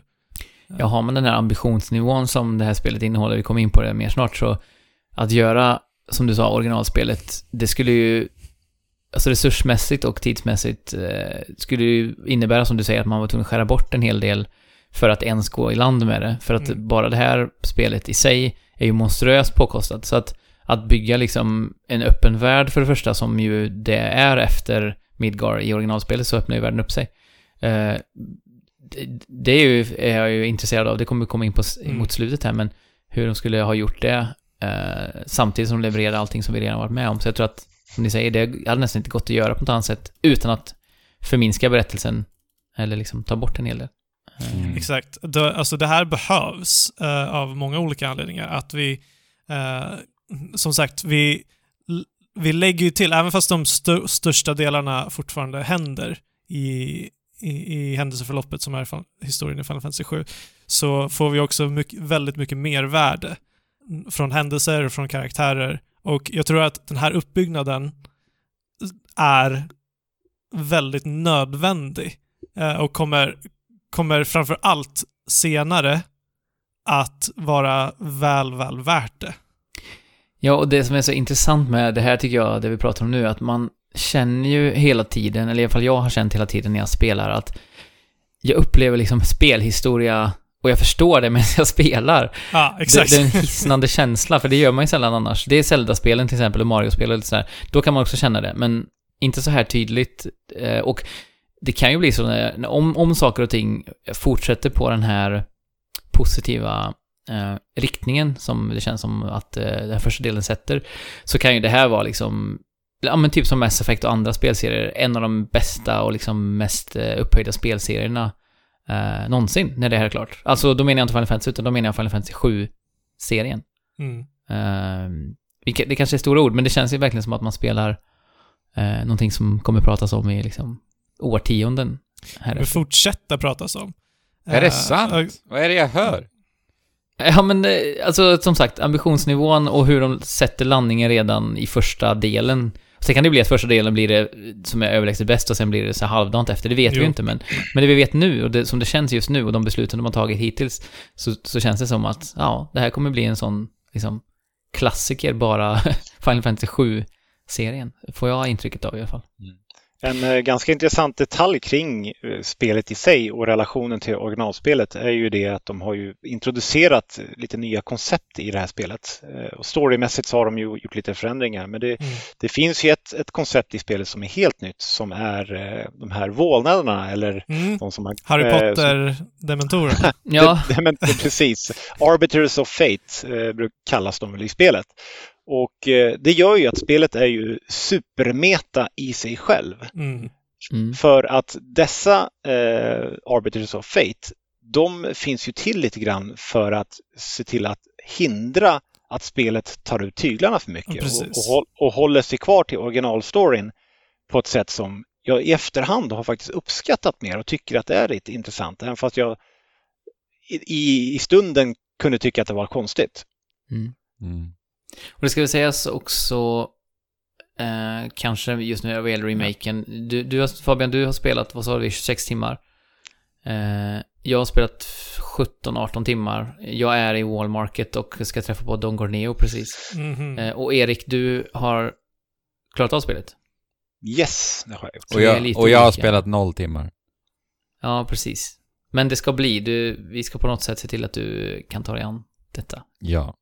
Spektakel. Ja, snart. Eh, ja, nej, men och det, det är lite kul tycker jag, för demon som vi spelade när den kom ut så kände man så här, okej, det här är ju kul för det här är liksom eh, första reaktorn eh, hyfsat ett till ett, såklart längre Mm. och större och mer utbyggt, men det var ändå så här, ja men eh, det som skedde emellan var eh, mer att man fyllde i det som man inte hade kapacitet att göra i originalet. Exakt. Eh, men så fort demon tog slut och man då tog vid eh, hela spelet, hela remaken, så insåg man direkt, aha, nu visar de upp hur de kommer att förändra spelet grundläggande, alltså det här med dementorerna som dyker upp då i princip direkt efteråt. Dementorer.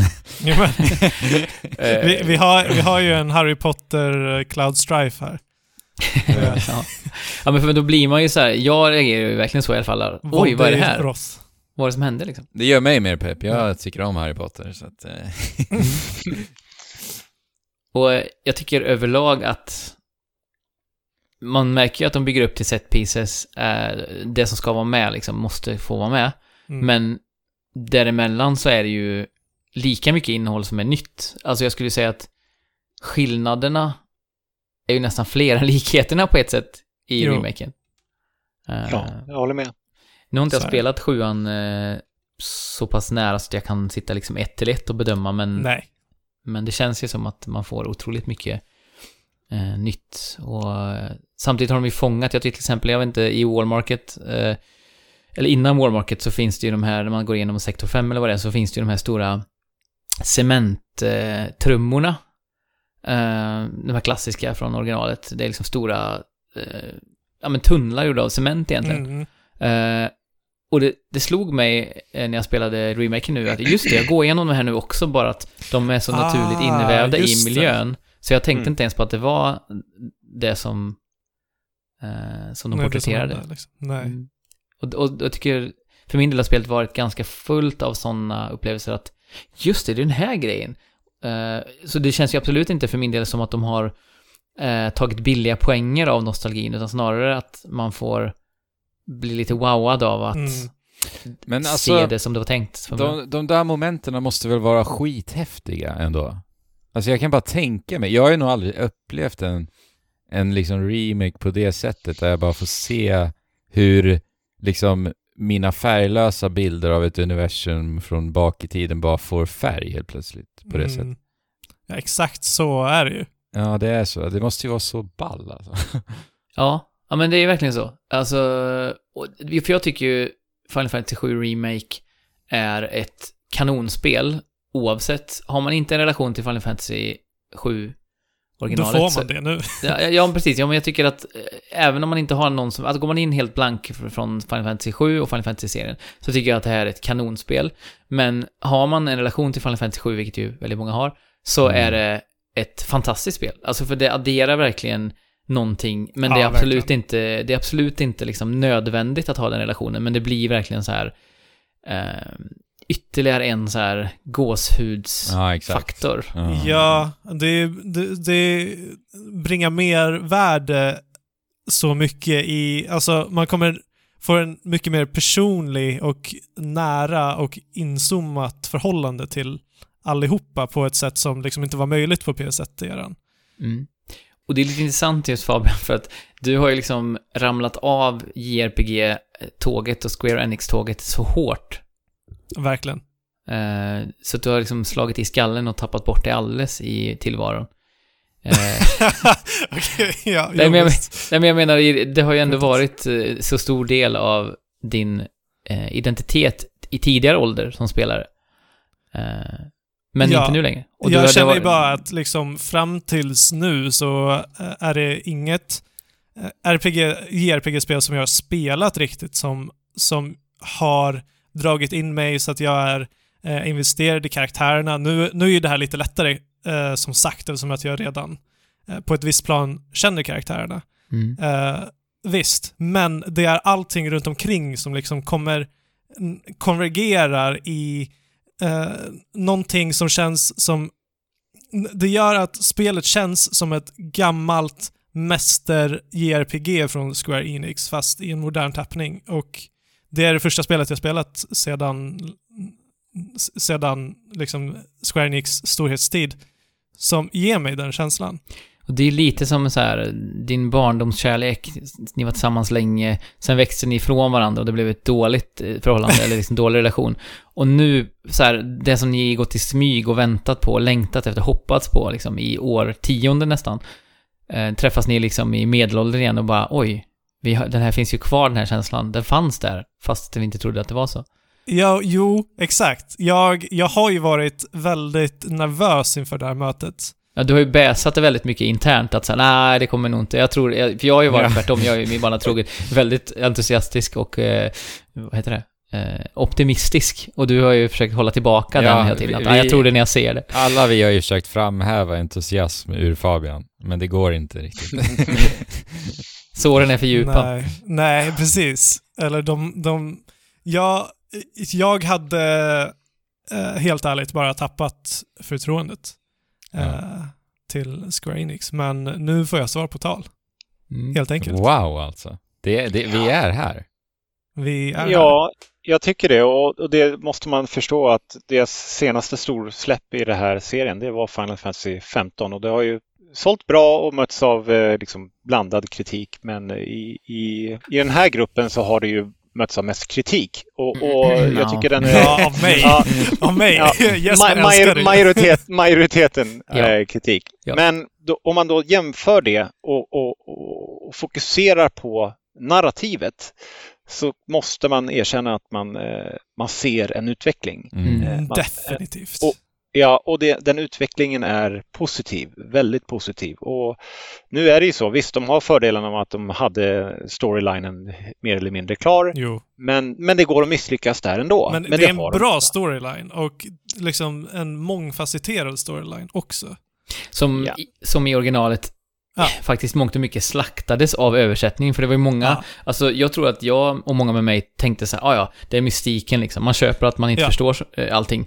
Men så har man insett i efterhand att, aha, det var den engelska översättningen i mångt och mycket som var så dålig. Jo, men det är en del som är fantastisk. Och ehm, i narrativet här, eller i översättningen, så är det vissa saker som känns liksom eh, ganska lite malplacerade fortfarande. Mm. Men, men det... Ibland ger det bara en känsla som att det är liksom...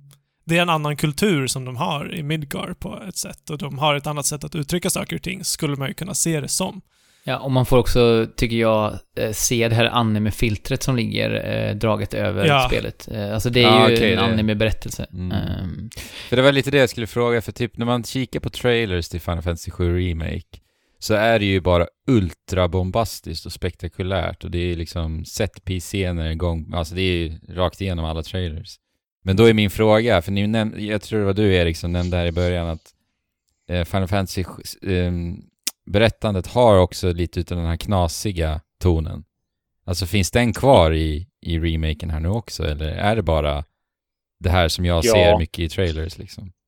Ja, men det gör den och, och de har lyckats med det också Mm. vill jag nästan säga. Och, och det är det som är grejen att det, eh, förutom de här allvarliga scenerna som, som man nästan liksom är tårdrypande i, i spelet så, så finns de här knasiga scenerna som jag Mhm. faktiskt suttit och, och liksom var tvungen, jag kunde inte hålla mig för skratt Nej! för det, för, det, för det är genuint roligt Ja! och knasigt. Mm. Och, och, och, Jag vet. Så- ja, och jag blir liksom så glad för att de har liksom, det känns som att de har hittat hem. De har hittat tillbaka eh, till där de var. I, Exakt. I de här karaktärerna och hur de interagerar med varandra och i den här knasigheten som spelet hade från början.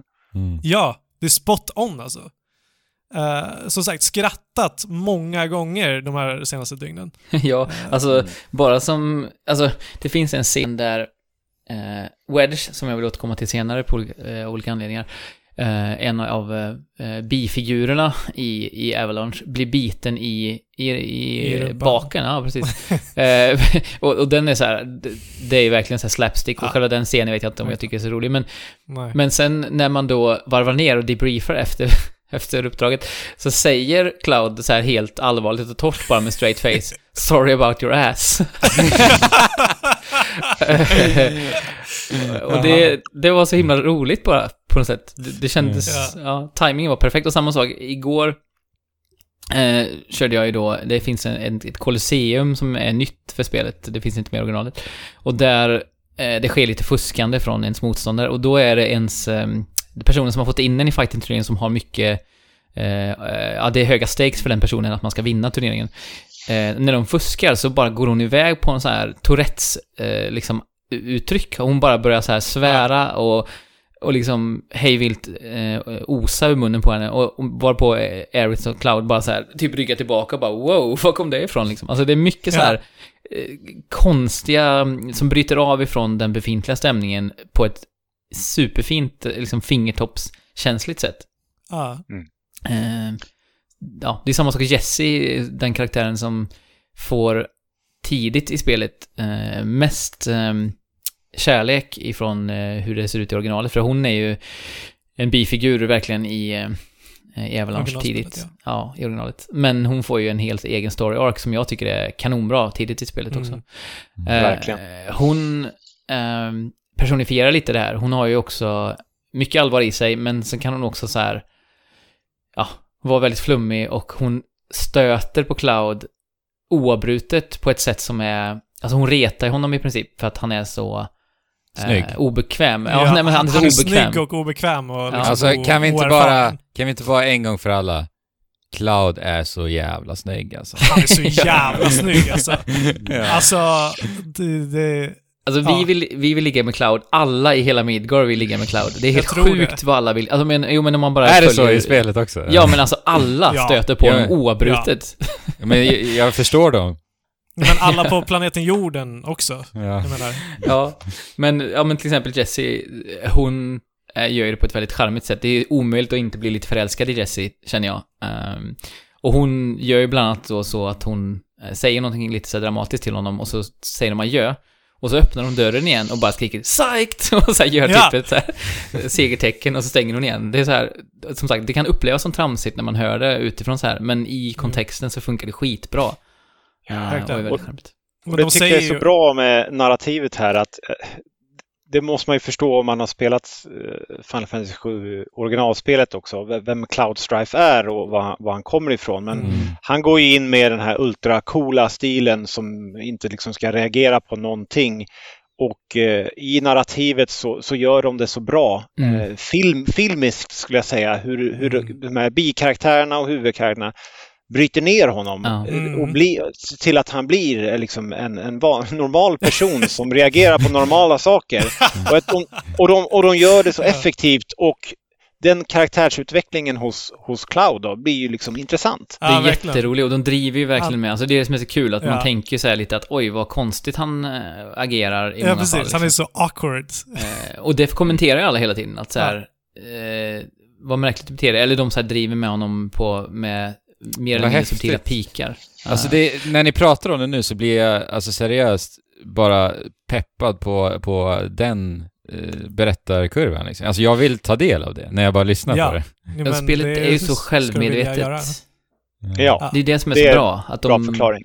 bristerna som originalet har, eller ja, på den tiden så kanske det inte var lika tydligt att det var brister, för det räckte väldigt långt. Men nu eh, i porträtteringen av karaktärerna så märker man att ah, det här är 2020 nu, vi måste...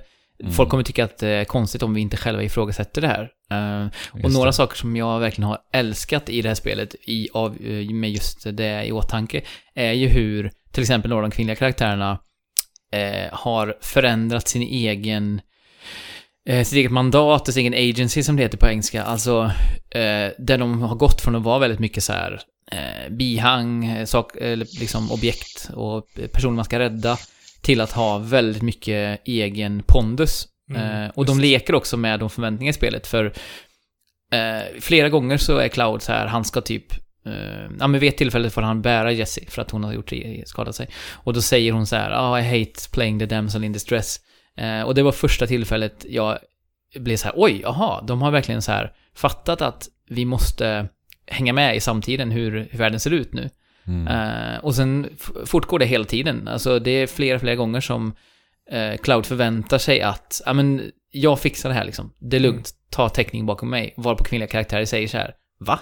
Är du dum Mm. eller? Det är klart jag tänker vara Men- med i den här fighten liksom. Men finns det väldigt tydliga sådana här sekvenser där det har gjort på ett väldigt smaklöst sätt i originalet? Där man känner att wow, de har verkligen reviderat om det nu. Så Jag vet säga. inte, jag kommer inte ihåg alltså. Men alltså första var ju som sagt väldigt begränsat. Mm. Mm. Jag, jag har ett Men- ganska bra, eh, ja, ganska bra exempel. Ja. Och det är ju i början då när man möter, när Cloud möter Tifa eh, i början. Eh, när de kommer tillbaka till Seventh Heaven då i sektor 7 slums. Då frågar, eh, så sov, sover han över natten där och så frågar Tifa egentligen så här, ja, hur sov du? Ja, men eh, jag sov jättebra för jag låg ju bredvid dig. Och, och det, liksom, det, det riktades på ett sätt som blev ganska Mm. ja, smaklöst och, Mm. och det blev liksom eh, lite mansgrisaktigt. Mm. Men, men eh, nu har de liksom byggt om det helt och hållet till att eh, ja, de sover inte ens i samma rum eh, och, och det, det är liksom på ett lägenhetshotell och, det. blir snarare andra typer av liksom interaktioner som gör det helt annorlunda. De känns ju som jämlikar eh, och snarare som att Tifa har mer koll på läget än vad Cloud har, snarare Exakt. än att Cloud ska vara någon slags eh, eh, guardian åt henne. Liksom. Och samma sak, Aerith, man är ju bokstavligt talat hennes bodyguard. För att hon anlitar henne att bli det. Men den dynamiken i remaken är ju hela tiden att hon eh, typ, hon säger så här, oh, he's really strong, säger hon massa gånger till andra om Cloud liksom.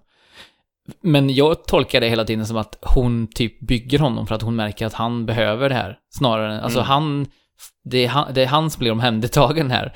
eh, Mm. För att han är så trasig som han är.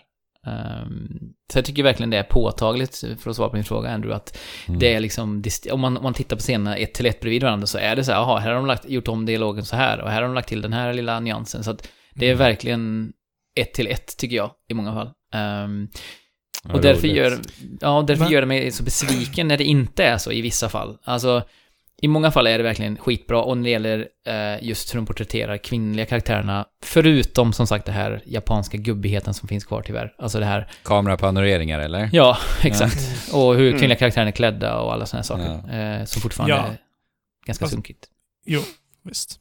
Men i vissa fall, alltså, ja, i vissa fall är det även där liksom motiverat på ett annat sätt än tidigare, så de har funderat kring det. Men när det kommer till exempel till Barrett och det kommer till eh, Wedge, så är det då så här, ja men Barrett är fortfarande en superstereotyp eh, svart man liksom. Alltså så här, Mm. han, Mm. han Mr. Tia sig fortfarande väldigt mycket och de har inte lyckats nyansera det speciellt mycket, i alla fall inte så långt jag har kommit hittills.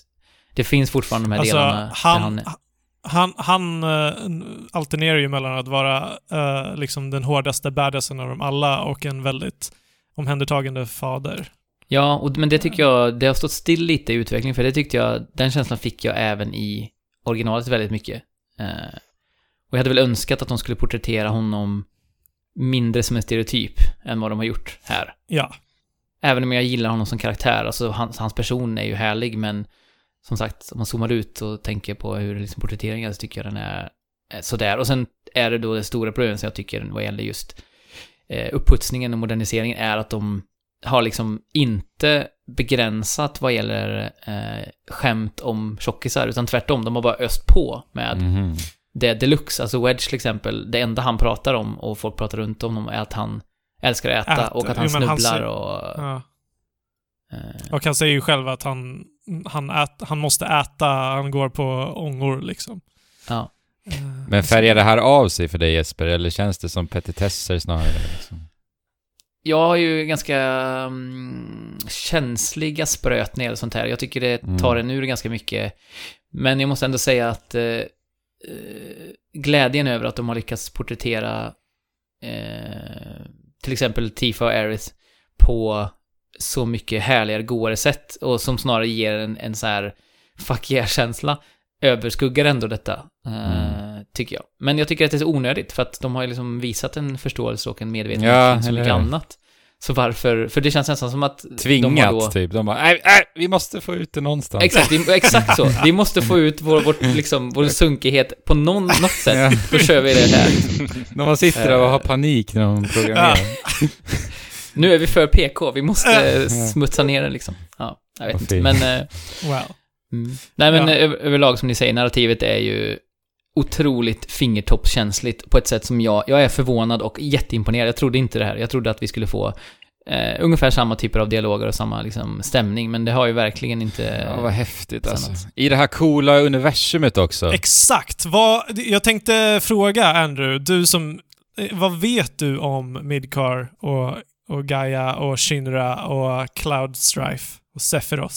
Alltså jag vet seriöst ingenting. Men du, Sephiroth och Cloud är ju liksom ikoner Ja, i precis. spelvärlden. Ja. Jag vet Men- ingenting om dem. All, absolut Ingenting? In, ingenting. Det är helt, världen. helt blankt, alltihopa. Helt blankt. Ja. Det jag vet är att jag, när jag ser det, när jag tittar på det, så ser det riktigt coolt ut. Ja, men alltså den här världen, den här världen som den är uppbyggd, jag älskar settingen. För den är typ, den är eh, futuristisk men också, också typ så här retroaktig. Och på Mm. sättet, sättet som de så här, för att vi har ju, vi har ju staden Midgar som, eh, som har dessa Mako-reaktorer. Och Mako är någon typ av livsblod för planeten, men som man också kan utvinna för energi. Tänk Eh, fossila bränslen på något sätt, precis. olja eller någonting annat. Exakt.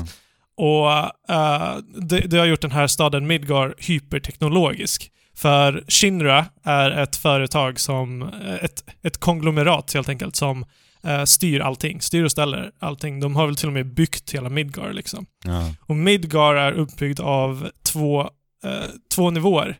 Vi har en platta på toppen där alla, liksom, alla som jobbar för Shinra, alla, alla som har mer pengar lever. Och där kan de glassa i solljuset. Men under, 300 meter under de här plattorna ligger slummen. Just det. Och slummen är, det är, det är kåkstäder överallt liksom. Och de får ingen riktigt solljus och det är liksom... Sättet som det här är liksom genomtänkt och porträtterat är, är helt, helt fantastiskt. Ja, man får ju också reda på ännu mer om det i det här spelet. Just Exakt. till exempel att de har lampor eh, under disken som ska funka som sol då för eh, invånarna i slummen. För att, Mm. Ja, på, får inte- på den här plattan solljus. då, eller? ja, på undersidan av Ja. plattan. Och, men i, i originalet säger de ju att det alltid är mörkt under plattan. Så det fin- då är därför tror jag inte det finns. Men i, i det här spelet så manipulerar du till och med de lamporna. Eh, Mm. så, eh, ja, som du säger, hela uppbyggnaden av Midgar är ju så fascinerande och, och liksom eh, Blade Runnerig sci-fi när den är som bäst, verkligen. Precis. Mm.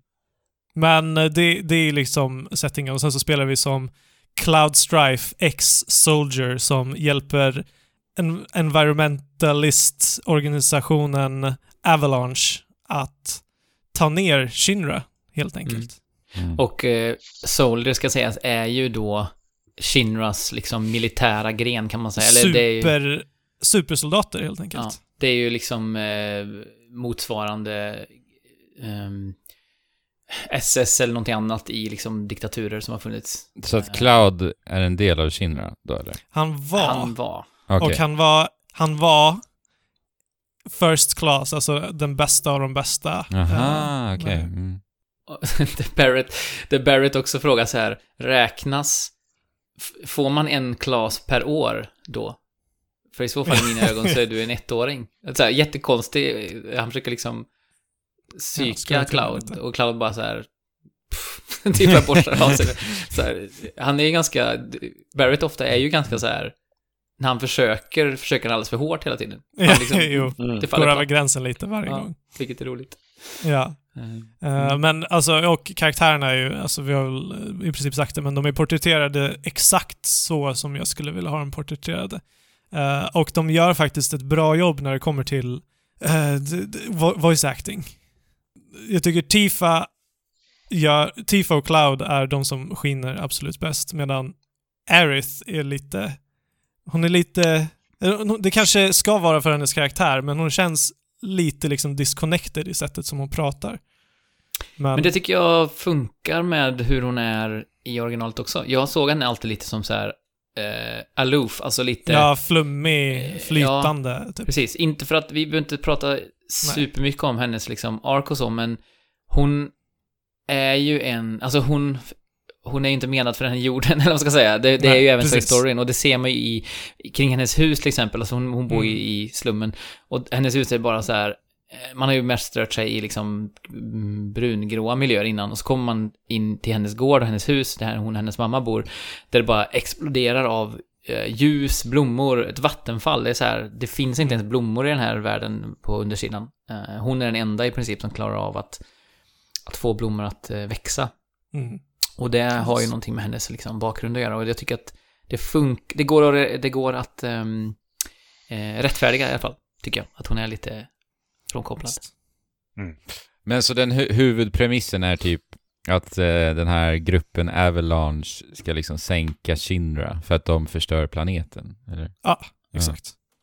Och det, Ja, det, hittar, och- hittar väl Cloud som verkar ha liksom bara famlat runt i tillvaron eh, motvilligt, sakta men säkert, sitt, eh, sitt syfte i livet ungefär. Mm. Mm. Och det är där karaktärsutvecklingen sker också lite då. Exakt. Och sen det finns ju mycket mer i bakgrunden kring Cloud som man inte, inte får berättat Nej. i den här delen som, eh, som berättas såklart i originalspelet. Men det, det Mm. får man ju spela nästkommande delar för att få reda på. Ja. Eh, hans bakgrundshistoria touchas ju på väldigt flyktigt i, i den här första delen. Mm. Men, eh, men vi som har spelat med andra spelen vet ju varför han är som han är. Ja, precis. Mm. Men det här med Avalanche också eh, byggs ju också ut mer än tidigare. Eh, Man får ju bland annat... Eh, jag, jag hade inte uppfattat det tidigare, det, det, det var ju så ty tydligen även i originalet, men att Avalanche, som vi känner det, är bara en liten, liten del av en Ja. större organisation. Eh, och det här är väl den kanske mest extrema eh, grenen av Avalanche, som kanske förespråkar våld mer än de andra gör, eller ja, på olika sätt eh, Mm. går längre. Man är extremister liksom, Ja. på ett sätt. Väldigt intressant. Men, och, men, och du, just när det gäller det här, jag hittade en stor klottrad vägg där det stod Avalanche med röda bokstäver på igår. Ehm, och det lyckas de ju också jättebra med att få det här konflikten att kännas. Alltså vissa i slummen då ser ju Avalanche som så här sina Che Guevara-karaktärer, Mm. alltså räddare liksom. Medan andra ser det som, ja, de är terrorister, vad håller de på med liksom? Ja, precis. Ehm, Och det, det kan ju åter, alltså det ligger så bra i tiden, det här narrativet också. Eller det är väl baserat på lite liksom verklighets... Eh, baserat på verkligheten på något sätt. mm. Men det här att liksom... Eh, vi har folk som sitter på toppen och som, som, som medvetet mer eller mindre bara dränerar allting Planeten. som finns på planeten och, Mm. och så vidare. Mm. Men, eh, och det är väl det, man, alltså spela spelet för det finns otroligt mycket att hämta i story, i världsbyggande. Och, och just, tycker jag, om man kollar på hur, hur spelet ser ut, så är det så ofta de har eh, tänkt det här ska vara ett, ett set piece ögonblick eh, visuellt. Mm. Men det är inte, i en del spel kan det vara så här, ja men sätt dig på den här bänken och titta ut över det här området eller till och med vi går in i en förendel sekvens och så kommer du få se, eh, vi låser dig på olika sätt. Ja, men här är det liksom, i alla fall upplever jag det, att det är väldigt ofta som jag bara nästan lite tappar andan över när jag bara rör mig runt i miljön och utan att det görs en grej av det, utan det är mer så här, oj shit, nu ser jag liksom eh, det här området som jag, där jag förut bara såg lite så här pixlade små prickar. Nu ser jag vad, vad de tänkte liksom. Ja, Eh, exakt. och man ser den här skivan när man scrollar, eller man så här Ja. tiltar upp kameran så bara kan man liksom titta upp på eh, den här pizzan som Barrett kallar den då. Eh, den här eh, stora plattan när man är i Mm. slummen. Eh, som bara loomar över en liksom. Och det är så här, jag tycker hur de har lyckats överföra originalets känsla i just eh, art direction som vi har skrivit upp här, eh, är ju fantastisk. Alltså bara en sån Verkligen. sak som att man ser materian på, på vapnena. Eh, Är det sant? Ja. Ja. Sådana detaljer. Ja. Ja, det... Men just gällande Art Direction också så är det ju det att jag tycker de har lyckats väldigt bra på flera olika områden kring Art Direction. Mm. Inte bara liksom hur de porträtterar eh, ja, platser eh, och, och vyer som vi, som vi nämner nu utan också det här med att de kör nästan med olika teman i, i, i, eh, mellan olika reaktorer med ljus, eh, liksom ljustoner. Mm. Och sen hur de, hur de liksom har designat det här liksom industriella områdena med liksom stora pipelines som går och, och, Mm. och i slumområdena hur det ser ut och att det är så otroligt detaljrikt med, Ja, med, liksom, med den här Ja. oredan som, som, som finns där. Och, alltså det måste ha tagit hur mycket tid som helst att bara tänka sig hur ska vi designa det här? Mm. Och sen så tycker man ändå att kommer man till en annan slum och så ja, det ser ju ungefär likadant ut här. Det det är liksom, eh, det är stökigt. Mm. Och så kommer man in i Shinras lokaler och där, kom, Ja. där, där är det liksom puts och studs och genomtänkt men samtidigt också otroligt väldesignat när det kommer till det. Hur, hur var det de tänkte? Man ser nästan deras tanke liksom. Så här ska, vi, ska det se ut. Mm. Jo, men, Och- och- eh, ja, men belysa kontrasterna liksom. Ja, precis. Och det där går ju över också i någonting som jag kommer ihåg Andrew pratade om eh, för länge sedan när vi pratade om Final Fantasy 7. Det är den här fiendevariationen och fiendedesignen Just det. som är helt, helt otrolig i det här spelet. Mm. Att det, när jag klarade spelet så tror jag jag fick reda på hur, hur många liksom, fiender jag hade Mm. mött och det, man bara va? Eh, eh, och, och när man ser dem och både på liksom hur de eh, ser ut och hur de liksom agerar och ljudet som de gör när de attackerar och effekterna Så- som går när de, när de gör det här. Alltså jag blir ju helt golvad Ja. av, av vissa av de här sakerna och, liksom kan bara nu vill jag vänta tills den här fienden attackerar igen så jag får höra det här ljudet.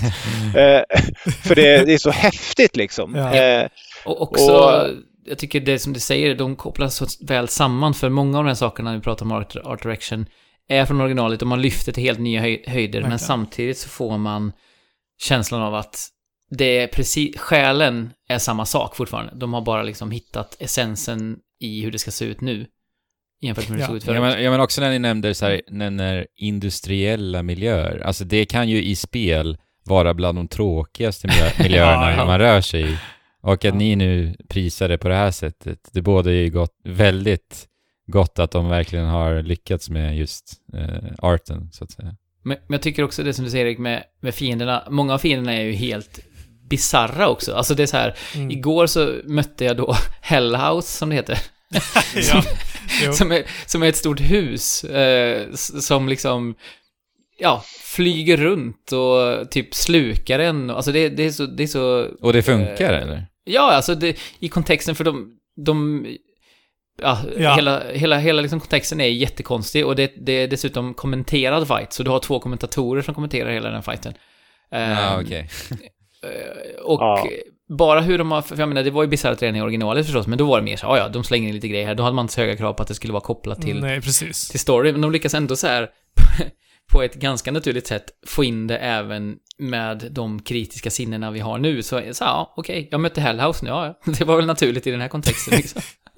Ja, jag, ska bara, jag bara- måste bara säga, då ska ni vänta till endgame i det här spelet. För där, eh, när det kommer till det här knasigheten kring, eh, kring de här fienderna man mötte i spelet och man tänkte, men, ja, men hur ska de göra det här? Mm. Och, och så bara, ja, nej men de lyckades. Ja. Nej men alltså, jag vet inte. Det är någonting som bara liksom är spot on i, i, i den här balansen som, som de har försökt och misslyckats med i andra spel som sagt. Mm. Ja, men det är det, det, är väl, det är väl den övergripande känslan som är viktig. Alltså vi vill ju vara i den här världen också, liksom. Mm.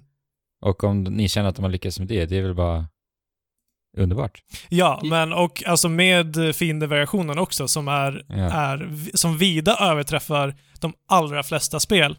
Eh, det, det förtjänas att applåderas. Mm. Och det är ju inte bara i form av eh, Mm. såklart eh, design, utan det har ju också Nej. att göra med spel... Det spelmässiga, alltså det vill Just säga att eh, alla fiender kräver i princip sin egen taktik. Alltså vissa fiender, de små fienderna, det är ganska få egentligen, så här oknytt. De kan man ju hamra på attackknappen liksom hejvilt i princip. Men, Mm. men många andra fiender kräver ju liksom de, den största majoriteten av fiender kräver ju att du har ett visst tillvägagångssätt. Det kan ju vara så enkelt som att du får använda din eldspell liksom. Men om du inte gör det så kommer det ta en himla lång tid att klara av fighten. Så att det finns ju ett pussel i nästan varje strid som också är Exakt. kopplad till den här fina variationen som du nämner. Ja, och då kan vi ju då kan vi hoppa in på hur fightingen faktiskt funkar, som är det bästa action-RPG-spelet som, som jag har spelat. Alltså, jag jämför med andra i samma som, som går i samma spår som typ Tales of-serien, som typ Ja, eh, ja, de tidigare Final Fantasy-spelen, även typ Xenoblade. Eh, Det här lite mer aktiva JRPG-striderna. Typ. ja, precis. Mm. Men jag tycker att alltså, genom att bara blicka tillbaka på rötterna, på det systemet som funkade så himla bra och kombinera det med, med en modern förväntan av hur spel ska spelas idag, bara har hittat också här den perfekta balansen mellan, eh, mellan turordningsbaserat och, och aktivt action-spelande. Mm. Mm. Eh, och det är inte bara så här att du har du har olika vapen på o- olika karaktärer och vissa karaktärer har olika förmågor och så. Nej, varje karaktär som du spelar i det här spelet spelas på sitt eget sätt. Och du kan också eh, med hjälp av vapen och så vidare eh, se till att de har sina helt unika användningsområden också. Mm. Och eh, det tycker jag är också så här, eh, som du säger, det, är ju genomgående i hela det här spelet att hur bra de har varit på att hitta balansen mellan eh, historien, Exakt! de, den tunga ryggsäcken de bär på och eh, den moderna förväntan vi har på spel idag. Det är nästan, de har nästan liksom eh, gjort en perfekt balansgång på den här tunna, tunna tråden längs med hela vägen. Det är nästan, det finns nästan inga områden som man kan kritisera tungt för att det är för mycket nytt eller för mycket gammalt, utan det känns som de har liksom verkligen så här det är det de har lagt mest tid på av allt nästan, och fundera på hur ska vi eh, restaurera det här utan att skönheten från originalet går förlorad. Mm. Precis. Ja, verkligen. Och jag, jag minns att jag, jag pratade lite grann och, och med mig själv och, och på, på Discorden här gällande liksom vad jag tycker om striderna. Och ja, det har gått fram och tillbaka till mig, men jag, jag landar i någonting att ja, det är ett action-JRPG. Det är det. inte ett hack and slash-spel. Men jag vill nästan att det ska vara ett hack and slash-spel för att det kommer så nära, tycker jag, att, Ja. att, att vara det. Eh, och, och då blir man så här, jag vill bara ha lite mer av det. Jo, visst. För att så, så pass bra är det i stundtals. Ibland är jag redo att hålla med dig, men ibland är jag absolut inte redo att hålla med dig. För att när... Eller, okej, eh, så här. Jag föredrar action numera. Att liksom eh, lite mer Dark Souls, Monster Hunter, eh, jag vet inte, God of War-aktigt. Att du är liksom i kontroll. Mm. Men här, det, det är någonting helt annat som de försöker sätta, sätta fingret på med det här systemet. Och ja, det, det handlar om att eh, navigera sig i menyer. Men för, för som det här funkar är att du har, du har den här eh, active time eh, baren, eller vad heter det? Eh, Ja, precis. Active time Battle. battle. Ja, ja. Mm. Um, ATB-meter. Precis, den, den som fylls upp allt eftersom att tiden går i originalspelet. Men bara det att här måste du ta kontroll över en karaktär, eh, manuellt slå på en fiende eller blocka lite attacker och så, så fylls den här, den här mätaren. Och när, när en bar av en sån där är fylld så, så betyder det att du kan utföra en, eh, en förmåga. Och det Mm. är antingen använd ett föremål, använd en magiattack eller, eller kör en liksom personlig vad heter det, ability, typ, Mm. Förmåga. Mm. förmåga. Eh, och det här gör att det blir det- blir intensivt och kommer väldigt nära, som du säger Erik, eh, den här actionkänslan.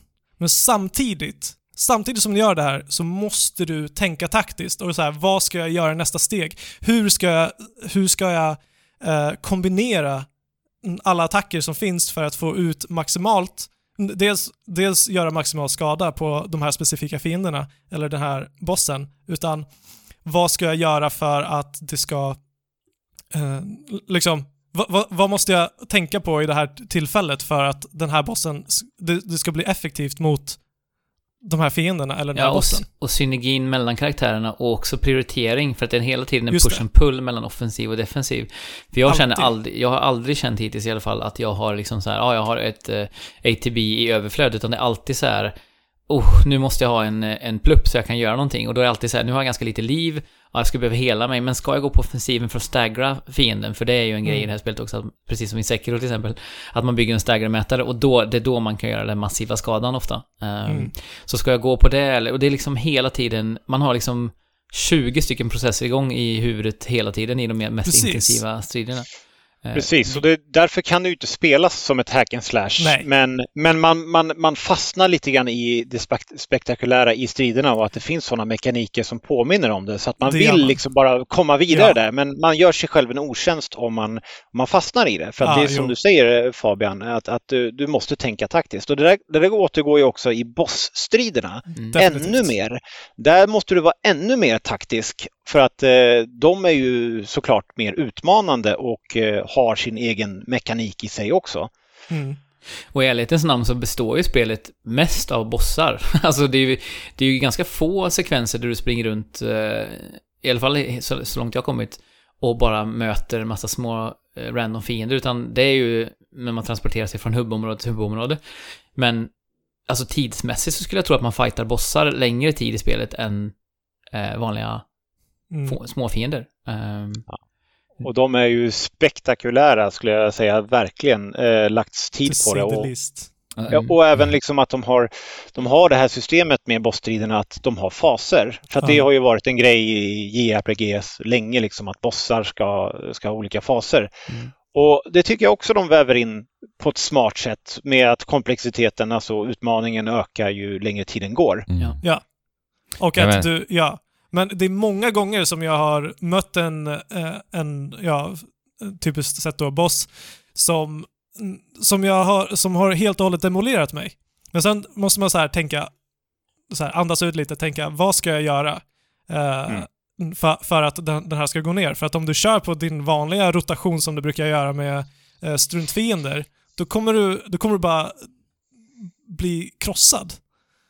Yeah. Eh, och det är någonting som är helt fantastiskt, att vi har den här utmaningen. Också eh, ovanligt i många JRPGs. E eh, Verkligen. Ofta kan det vara så att jag spammar potions och jag spammar min eh, starkaste ability eller, eller, magi och sen klarar jag det. Och det går inte i det spelet som du säger. Nej. Och, och ja, det är, det är än en gång balans. Mm. Den enda erfarenheten jag har med eh, striderna, det är ju demot som jag spelade. Mm. Och eh, jag minns att jag störde mig något, en liten gnutta på defensiven. För Jesper, du pratade om att det är ständigt en push and pull mellan offensiv och defensiv, vilket såklart är ett mm. kvitto för bra strider i ett spel. Men jag minns att jag fick inget grepp om defensiven, för att man kan ju väja, men det kändes så här, jag väjar inte just Nej. animationen, utan det känns som att det är någonting automatiskt som händer. Det fanns en otydlighet. Nej! Eller ja. Tyckte jag där. Jag fortsätt. Eh, nej, alltså nej men jag undrar mig... bara lite så här, hur funkar defensiven och just den biten? Du sätter fingret på något tycker jag. I alla fall, jag vet inte hur ni ser på det, men jag... Jag kan nog köpa det rakt av. Jag tycker också att det var det man hade behövt för att det skulle kännas ännu mer actionorienterat, att man kan dodga med liksom pixelperfektionen på skärmen. jo. Eh, och även blocken känns lite... Eh, jag vet inte, inte klockren. Man hade velat ha en... Vad heter det? Counter nästan, om man blockar vid rätt tillfälle och sådär. Det, ja. Men det tog typ kanske tio timmar för mig att fatta hur, hur man ska använda, hur man ska, hur man ska spela defensivt, hur man ska väja, hur man ska blocka och hur man ska använda det till sin fördel. Mm. Annars, i alla fall lite senare i spelet, så, så, kommer, så, så kommer det bara bli helt och hållet uppäten av fiendernas attacker.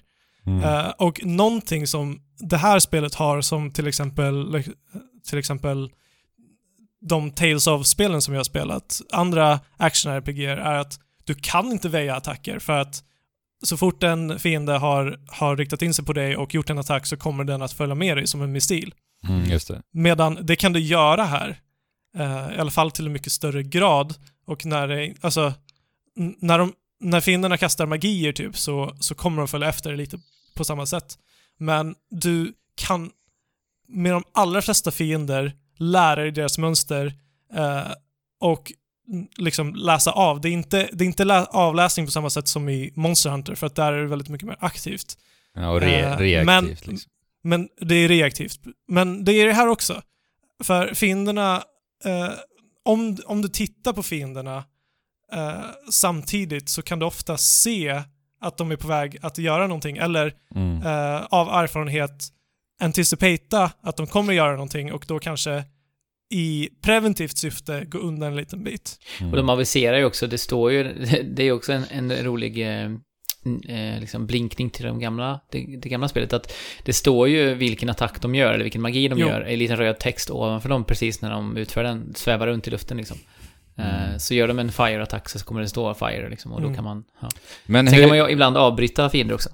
Ja. Eh, Men vad tycker du, Erik?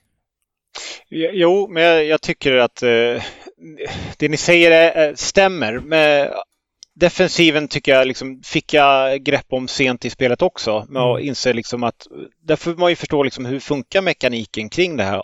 Ja, eh, och active också... time bars och, och, och hur hur kan du bygga liksom hur kan du nyttja den till din fördel? Precis. För att grejen är ju det att när du blockar så bygger du ATB. Mm. Eh, och och får, får du igen det så kan du utföra attacker sen. Och sen kan du switcha karaktärerna och, och se till att minimera skadan så mycket som möjligt. För att Mm. dodgen, den, den ska användas absolut, men då ska du, då ska du ha koll på fiendemönstren. Precis, Men det är inte ett, ett hack and slash med pixelperfektion. Exakt. Helt. Mm. exakt. Det låter ju som Um, en eh, genomtänkt loop, faktiskt.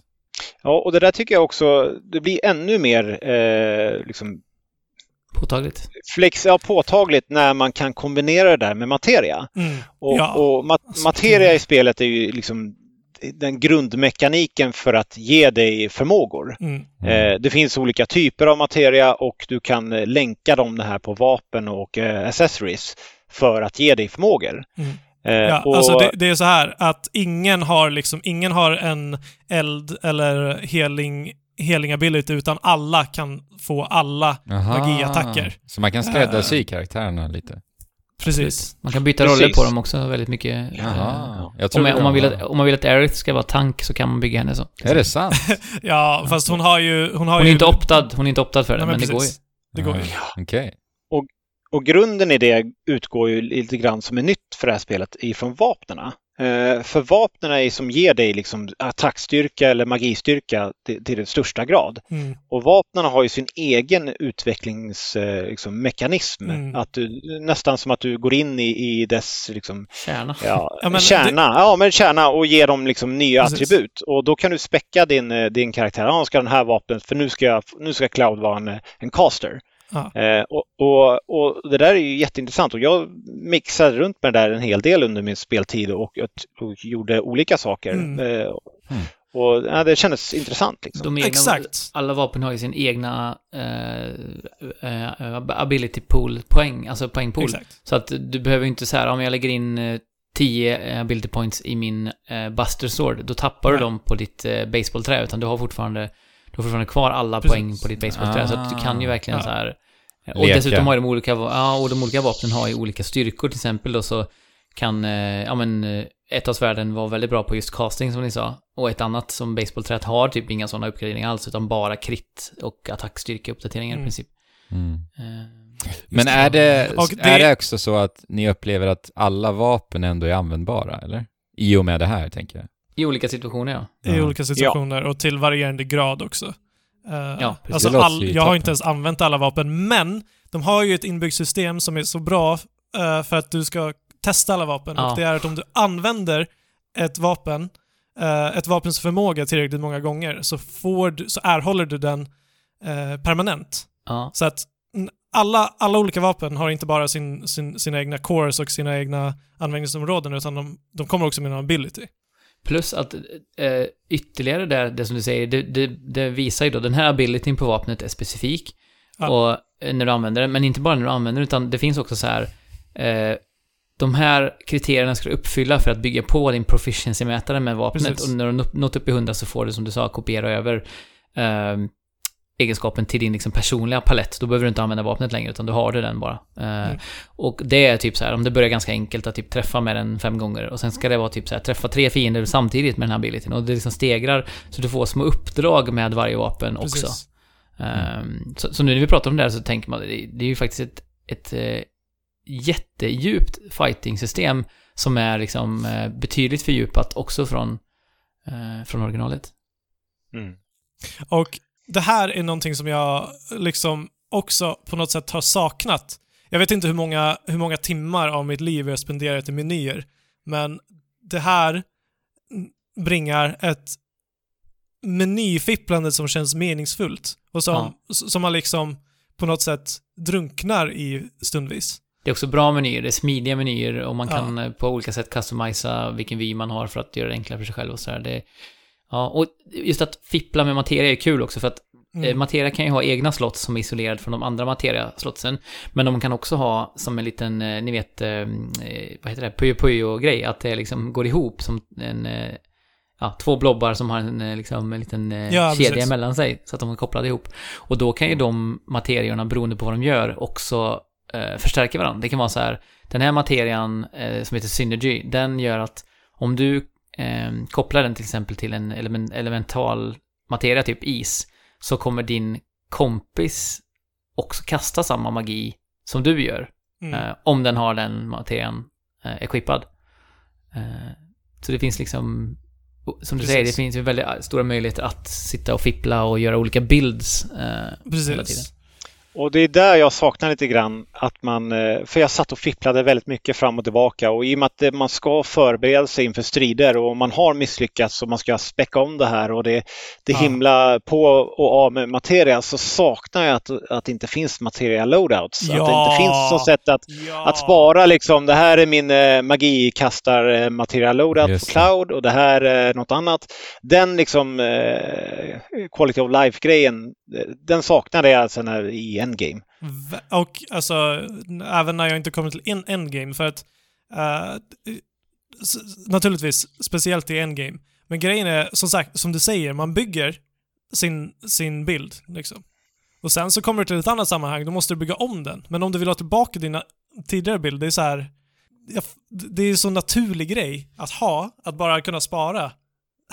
Och det är också så att om du byter från ett vapen till ett annat så frågar den, spelet ju dig vill du använda samma materia som på förra vapnet så kan man bara auto-switcha. Så på det sättet har de ju tänkt på det, men inte hela Ja. vägen uppenbarligen. Mm. Exakt. Eh, Men en annan sak som är bra med eh, materiasystemet som inte fanns i originalet är att man kan ju bara at will flytta över materia från karaktärer som inte är ens party just då. Så du kan Ja, bara precis. ta den från dem. eh, För, för i originalet var det så att var de, hade de den och var utanför bild så att säga så kunde man inte, då var den låst just då. Ja, Ja. Eh, även med, med accessoarer och sånt. Ja, så det är ju det är en bra, bra grej. Verkligen. Eh, Men vi, vi hoppade lite förbi en sak förut som jag tänkte på det här med, som vi pratade om att spelet är, för om man kollar på Midgar så är ju det eh, inte jättemånga timmar i originalspelet, även om jag alltid sett det som den bästa delen i spelet som jag har tyckt mest om. Eh, och, Den du har spelat Ja. några gånger. exakt, och det kanske är därför. Men eh, i det här spelet så är det ju då så att man har de här eh, set pieces som man känner igen, men däremellan så är det liksom då eh, vadderat med massa annat innehåll för att spelet, ja, spelet är ju liksom 40 t- plus timmar. Ehm, det har ju varit en, en diskussion lite grann kring de här sidequestsen, vad, hur kvaliteten är på dem, om man tycker är det utfyllnad eller är det meningsfullt innehåll som, som bringar någonting till berättelsen. Hur känner ni själva? Om jag börjar vad, vad jag tycker så är det ju det att jag, jag kan bara ta ut utifrån hur jag spelar spel. Eh, visst, jag har en förkärlek till, till liksom den här världen som det här spelet utvecklar sig i. Men jag har aldrig spelat eh, alla sidequests i något spel eh, innan, utan jag tröttnar liksom. Och Mm. det här är inte världens bästa sidequest, långt Nej. ifrån. Och det, och, och det kan tyckas som, som det liksom är utfyllnad och så. Men grejen är ju det att med varje sidequest så får du någon typ av interaktion mellan karaktärerna. Och, och, och det blir dialoger och jag Och ville se de här. Världen. Mm. Ja, och världen också, absolut. Och, och det, det, finns en, en tanke med världsbyggandet i de här sidequesten och där kanske inte alla är liksom on point, men Nej. många tycker jag ändå är tillräckligt bra för att försvara att de ska finnas där. Mm. Jag, är ja. precis som, jag är precis som du Erik, jag har svårt för sidequests, jag blir stressad ofta och eh, vill göra alla, men jag orkar inte göra alla, så då struntar jag i merparten istället. men här känns det mer som för mig att det nästan är eh, en del av helheten, nästan som att det inte är sidequest, utan att det är mer så här, visst du kan hoppa över dem, men jag vill ju suga ut varenda liten del av det här spelet. Eh, så det, jag, jag tvekar inte en sekund på att göra allt som finns att göra. Eh, vilket tar, talar mycket för hur bra det är uppbyggt. Och det ska ju sägas att liksom det är lite slentrianmässigt, men det är också i de flesta fall eh, relativt varierat. För att det är inte så många sidequests. Alltså det går att se hur många sidequests som finns i hela spelet på en skärm liksom. Ja, det är väl i princip uh, sex stycken per hubbområde eller någonting sånt. Ja. Uh, och sen och, och de, alla de olika utspelar sig på olika sätt. Och oftast så betyder ju det att du i slutändan får möta någon typ av boss uh, som, som är nice. Mm. Mm. Och också får uh, lite så här föremål och sånt som kan vara så här, inte kritiska, men som kan vara kul, bra, liksom mm. kan hjälpa en lite grann på vägen. Så att man känner, jag känner i alla fall att jag blir belönad, både i form av belöningen, den faktiska belöningen som man får uh, av questen, mm. men också väldigt mycket som ni, berätt, som ni säger om vad som, vad som berättas om världen och karaktärerna genom att man uh, ger sig ut på det lilla mm. sidoäventyret. Och, och dess, dessutom tar de inte så lång tid heller. Nej. Nej, precis. Och, och en, en sak jag tänkte på det gällande sidequesten och, och, en sak som motiverade mig att gå tillbaka till andra områden där liksom de, de skulle liksom utspela sig var det att eh, ja, då, då, tänkte jag så här, shit, jag ska dit igen. Åh, musiken där var ju så underbar. För det är ju någonting vi annat, annars inte har touchat på, just Nej. musiken. Kanske och musiken i det här spelet. Sist, ja, alltså musiken i det här spelet, det är enligt mig det bästa med spelet. Ja, jo. Mm. Alltså, och då är ändå många delar väldigt musik bra. Musik i världsklass. Ja. Musik i ja, världsklass. Alltså Nobuo Matsu ja. i mitt hjärta. Uh, och även, alltså det är klart att det finns, det finns nostalgi uh, grejer här som gör att vi, vi känner igen uh, vi känner igen de här älskade trudelutterna. Mm. Och, och det gör att vi är mycket lättare mottagliga för dem. Men alltså, det, det tar ju inte bort det tar ju inte bort att de är det, det, är masterpiece efter masterpiece. Jag har ja, ju ingen nostalgisk koppling alls. Visst, jag har väl hört eh, stridsmusiken någon gång sådär i typ Smash och lite varstans va. Men det är ju inte de låtarna jag huvudsakligen till och med har suttit och lyssnat på. Alltså jag lyssnar på Final Fantasy 7 Remake soundtracket. utan att ha spelat, eh, ingen koppling till uh, spelet alls överhuvudtaget. Och jag tycker det är fullständigt magiskt. Alltså det är så och bra.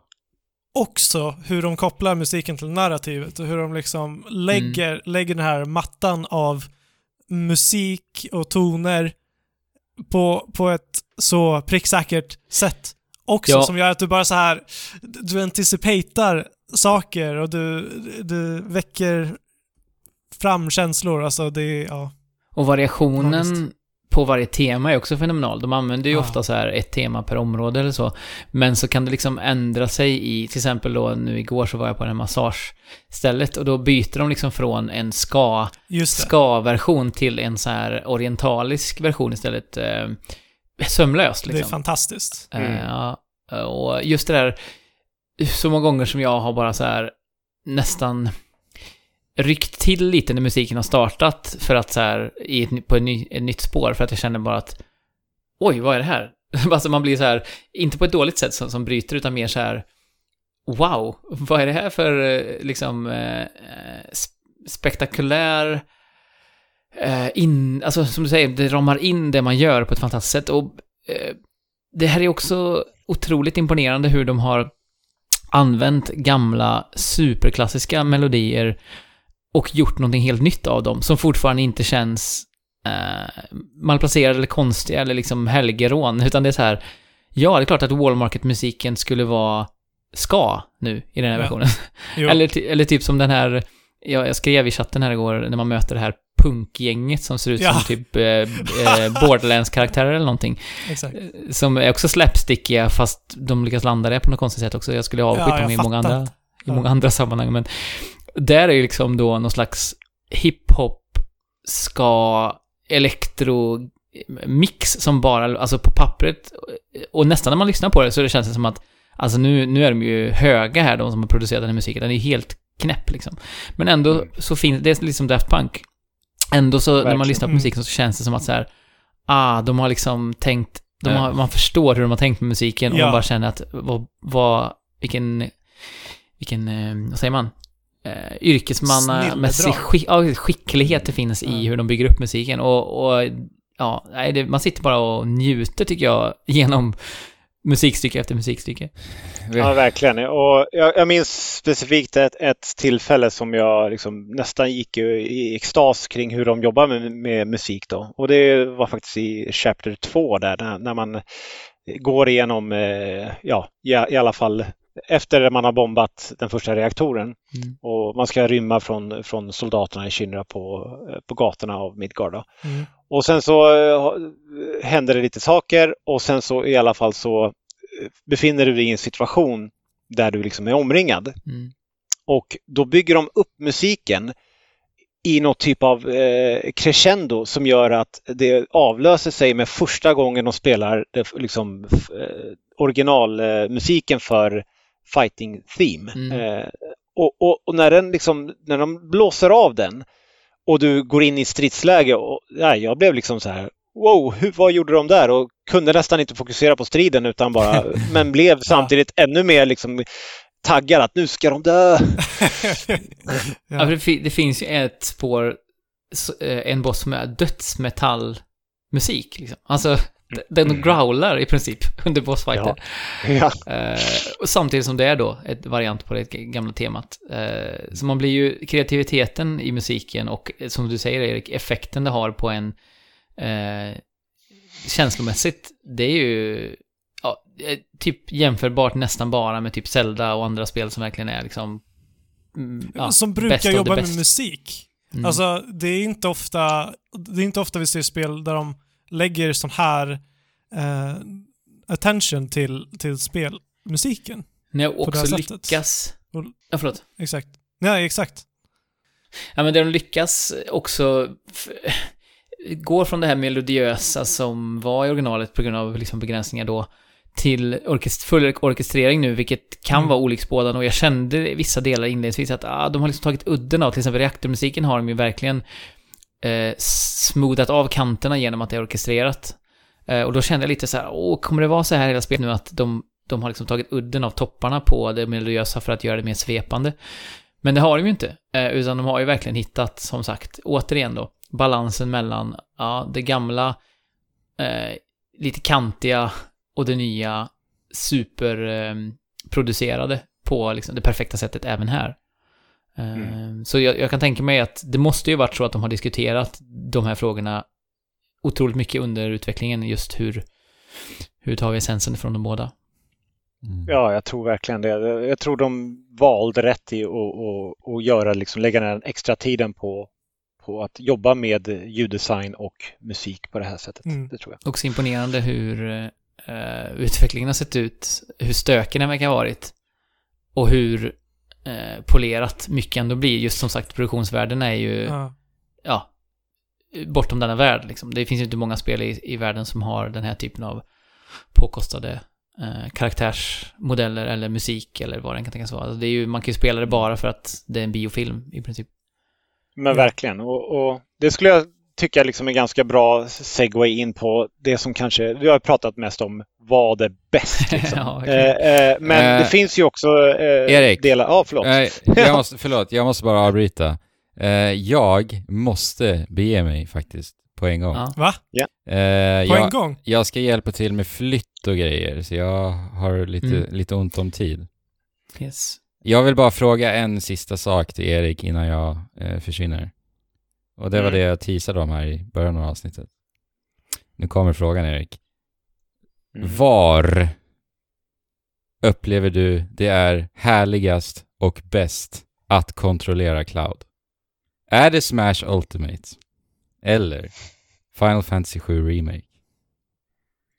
Oj, vilken jobbig fråga. Eh, den, den, är så, den är så stor den frågan, men eh, det är härligare att kontrollera den i, i Smash Ultimate för att det spelet är ju, handlar bara om kontroll. Ja. Mm. Så, så, så, så det är orättvis fråga på det sättet, men eh, jag befinner mig hellre i världen eh, i Final Fantasy 7 Remake än i, eh, i några timmar än några timmar i Smash Ultimate. Där, där tröttnar jag efter en halvtimme. Timme. För att jag spöar dig. nej, jag ska. ja, nej men eh, tråkigt att det blev så här, men eh, att jag måste försvinna på, på momangen. Men svinkul att ha dig här Erik. Och det har varit eh, njutbart att lyssna på er prata om det här spelet, måste jag säga. Jag får lyssna, det är jag som redigerar avsnittet, så jag kommer ju få höra sluttampen i efterhand då. För att ni har ju bara varit positiva nu. Precis, du missar den sista delen när vi ska prata skit om Jag vill, jag vill ju bara slänga mig på det här spelet nu, för tusan. Ja, kul. Mm. Men då så, då försvinner jag. Tack för idag hörni. Tack för idag. tack. Spela på. Spela på. Jag har ju också lite ont om tid, min, min vana trogen, för jag ska hämta på kalas. Men, eh, men som sagt, vi avrundar väl Final Fantasy 7 Remake-pratet med att fundera lite kring vad kunde ha gjorts bättre, för vi har ju sagt pratat i en timme nu ungefär om hur fantastiskt eh, mycket vi tycker om spelet. Men eh, vad, vad, vad, vad hade vi kunnat göra annorlunda? Vad kan göras annorlunda framöver? För det kommer ju komma fler delar.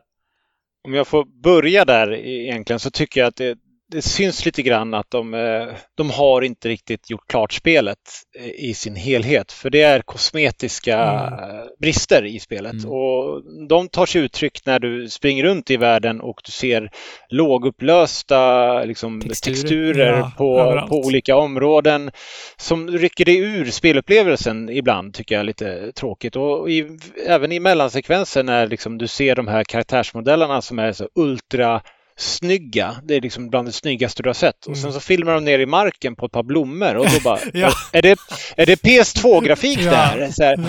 Eh, och, och det är så synd för, för att det- det är inte så det var menat utan Nej. de, de hade ju högupplösta texturer på de här men de hann inte ladda. Mm.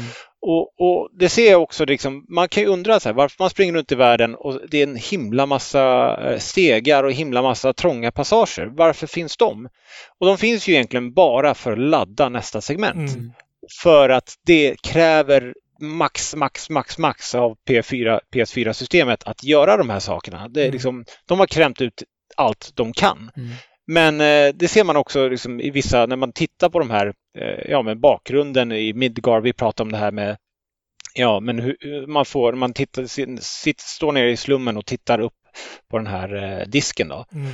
Och, och i vissa tillfällen så kan det också se lågupplöst Ja, ut. verkligen. Och, och det blir så här, ja, det, jag, jag kan leva med det, men det var synd att Och det- man inte jag tror inte att det här är ett medvetet val att hylla originalet som också hade så här blurriga förrenderade bakgrunder och allting och så fanns det vissa eh, liksom, saker de hade lagt fokus på och, och så vi, vi tror inte att det är en hyllning utan vi tror nog att det är Nej, ett, det är ett, nog kanske, ett utslag, ja, men kanske ett utslag av det vi pratade om här förut. Jag, jag sa att jag var imponerad över att de fått ihop det med den stökiga utvecklingen men det här kanske är då ett sätt de har fått där man ser att det har funnits eh, problem med utvecklingen. Eller att de har liksom bitit av en enormt stor bit som de försöker tugga.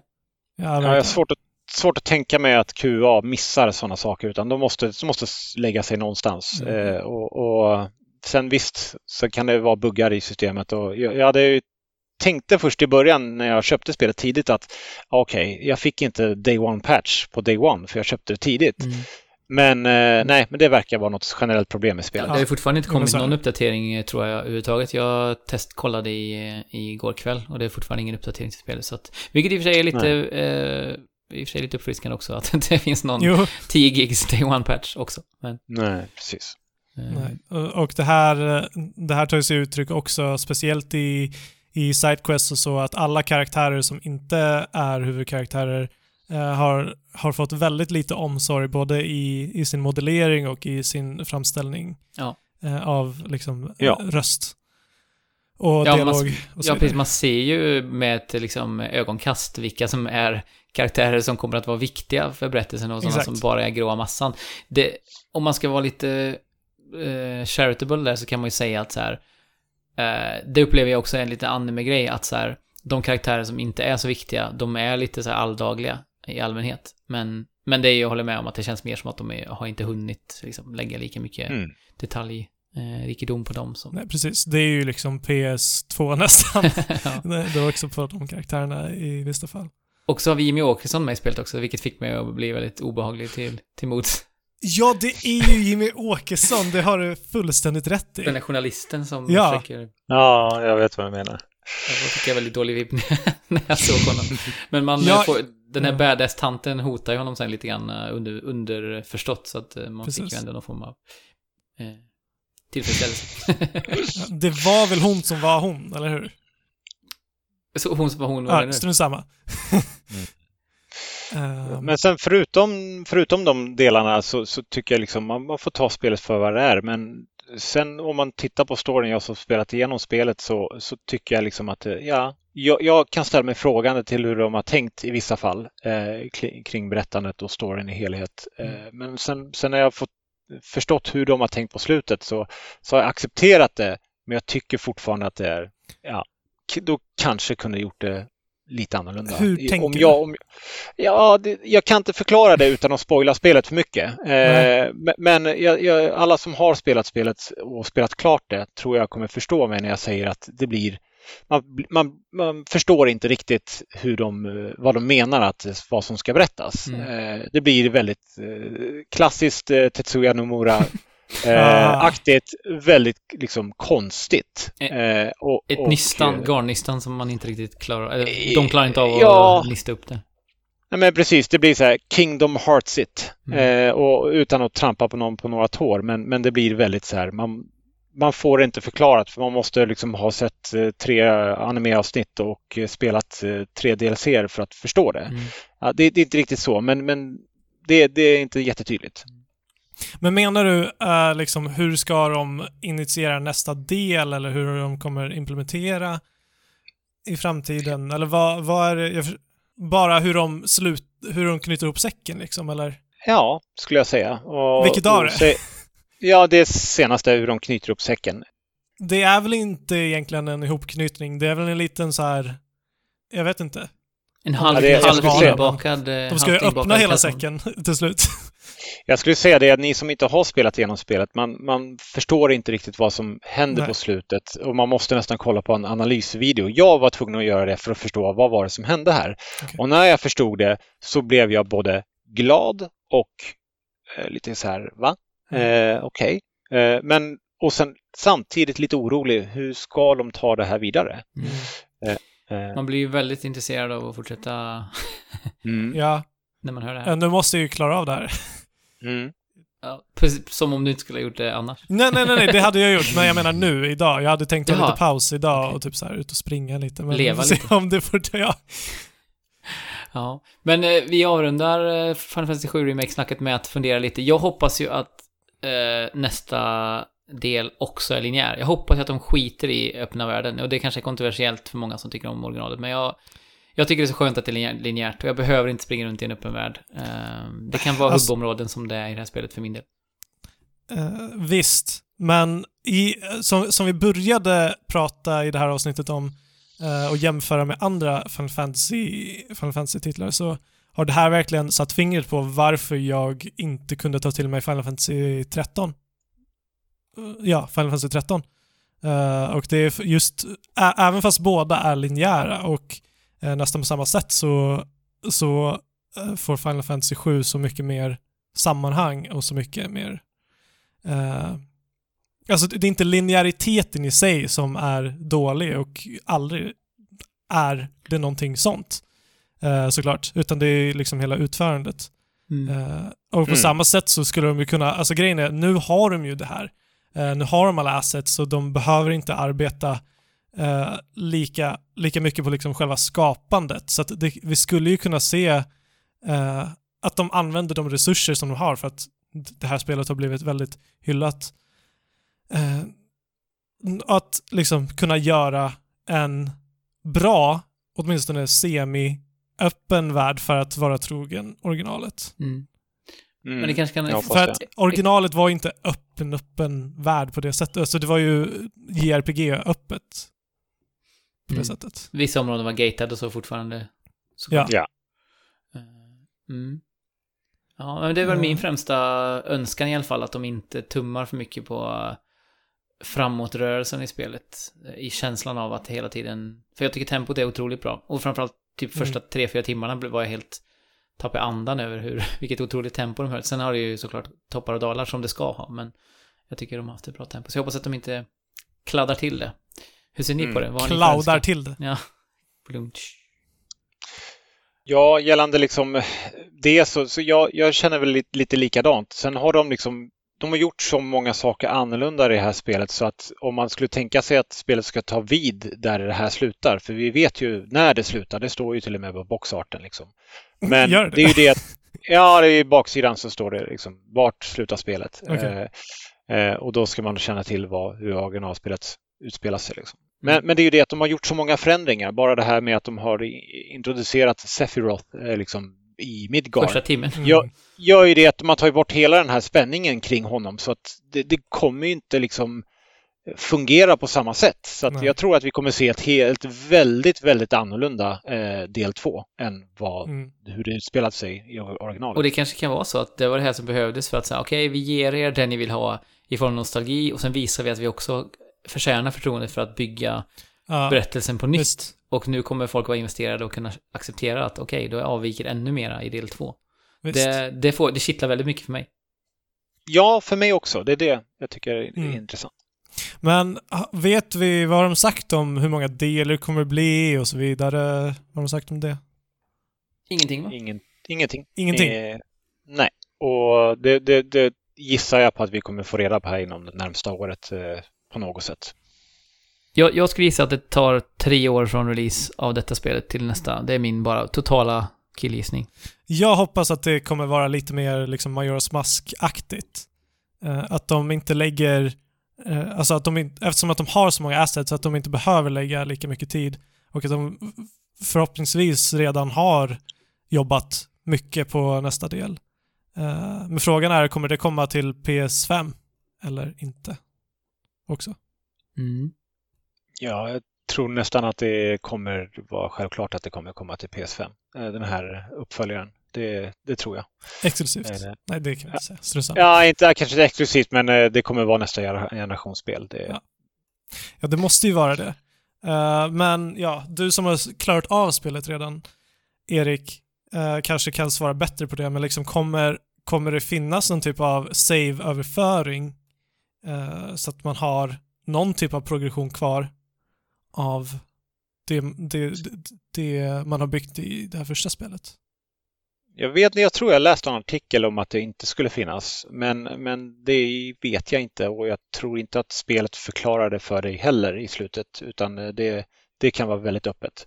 Nej, men ja, precis. Om det är öppet eller om de liksom, om du känner dig som en färdigställd en soldier first class i slutändan. Ja, det enda jag vet är ju det att eh, om man bara tittar på liksom det som man kan göra i spelet i form av magier och liknande så är det ju otroligt mycket mer som du kan samla på dig och Mm. göra som inte introduceras här. Så att eh, absolut så kan du ju fortfarande, man öknar level cap liksom på det sättet. Eh, Men sen om du tar med dig det eller inte, det, Ja. jag, jag tycker det hade känts konstigt om du inte gjorde det. Men samtidigt så måste de introducera något liksom Metroid Prime-aktigt. Nu är du återställd från eh, att du var Ja, superduper. precis. eller super, superduper.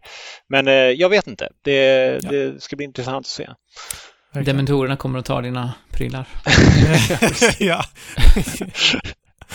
ja, vi får väl köpa något sånt kanske. Eh, något sånt Mm. cheesy. Men eh, ja, vi har vältrat oss i Mako nu i, ja vad kan det vara, en timme och 20 minuter någonting sånt. Det har varit väldigt eh, härligt och uppfyllande känner jag. Verkligen. Ja, verkligen. Eh, Håller med. Men, Har vi några eh, ja. avslutande ord av, från vår ärade gäst? Någonting du inte fått ut dig som bara, som bara bankar och bultar? Nej, jag tycker jag har varit så fräck så att jag, jag har nästan liksom tagit över ibland och sagt att nu ska vi prata om musik och nu ska vi prata om det för jag känner att jag måste få prata om de här sakerna. Jättebra. Helt rätt. Så, så eh, jag har fått ut mer än vad jag någonsin trodde att jag skulle få ut. Så tack så hemskt mycket för att jag fick vara med. Ja, tack för att du var med. Det känns Tack ju toppen att ha en eh, expert som dessutom har förberett sig eh, minutiöst för att prata om det. Så det känns ju som att du har varit eh, den rättmätiga motorn i det här snacket, eh, vilket har varit toppen. Och vi, vi återkommer ju till spelet och vi återkommer säkert till dig också Erik. Om inte om det här spelet så eh, kommer det nya Final Fantasies att eh, dissekera. Det låter jättekul. Men eh, tack så mycket kära lyssnare för att ni har lyssnat idag på oss. Ni har fått ett härligt matigt avsnitt eh, denna vecka. Det har varit gött att spela in också. Eh, så eh, ta hand om dig Fabian så länge och försök att återgå till eh, någon form av liv om du, om du mäktar med. Och eh, så får ni kika in på Discord för där diskuteras det ju Final Fantasy 7 Remake flitigt kan man säga, minst sagt. Ja, det gör det. Det har inte ens jag. Ja, det finns en egen flik som jag skapade här om veckan så att... eh, Ja, men nice. så, men eh, fram tills dess hörni, eh, spela på och eh, chip. Tjola!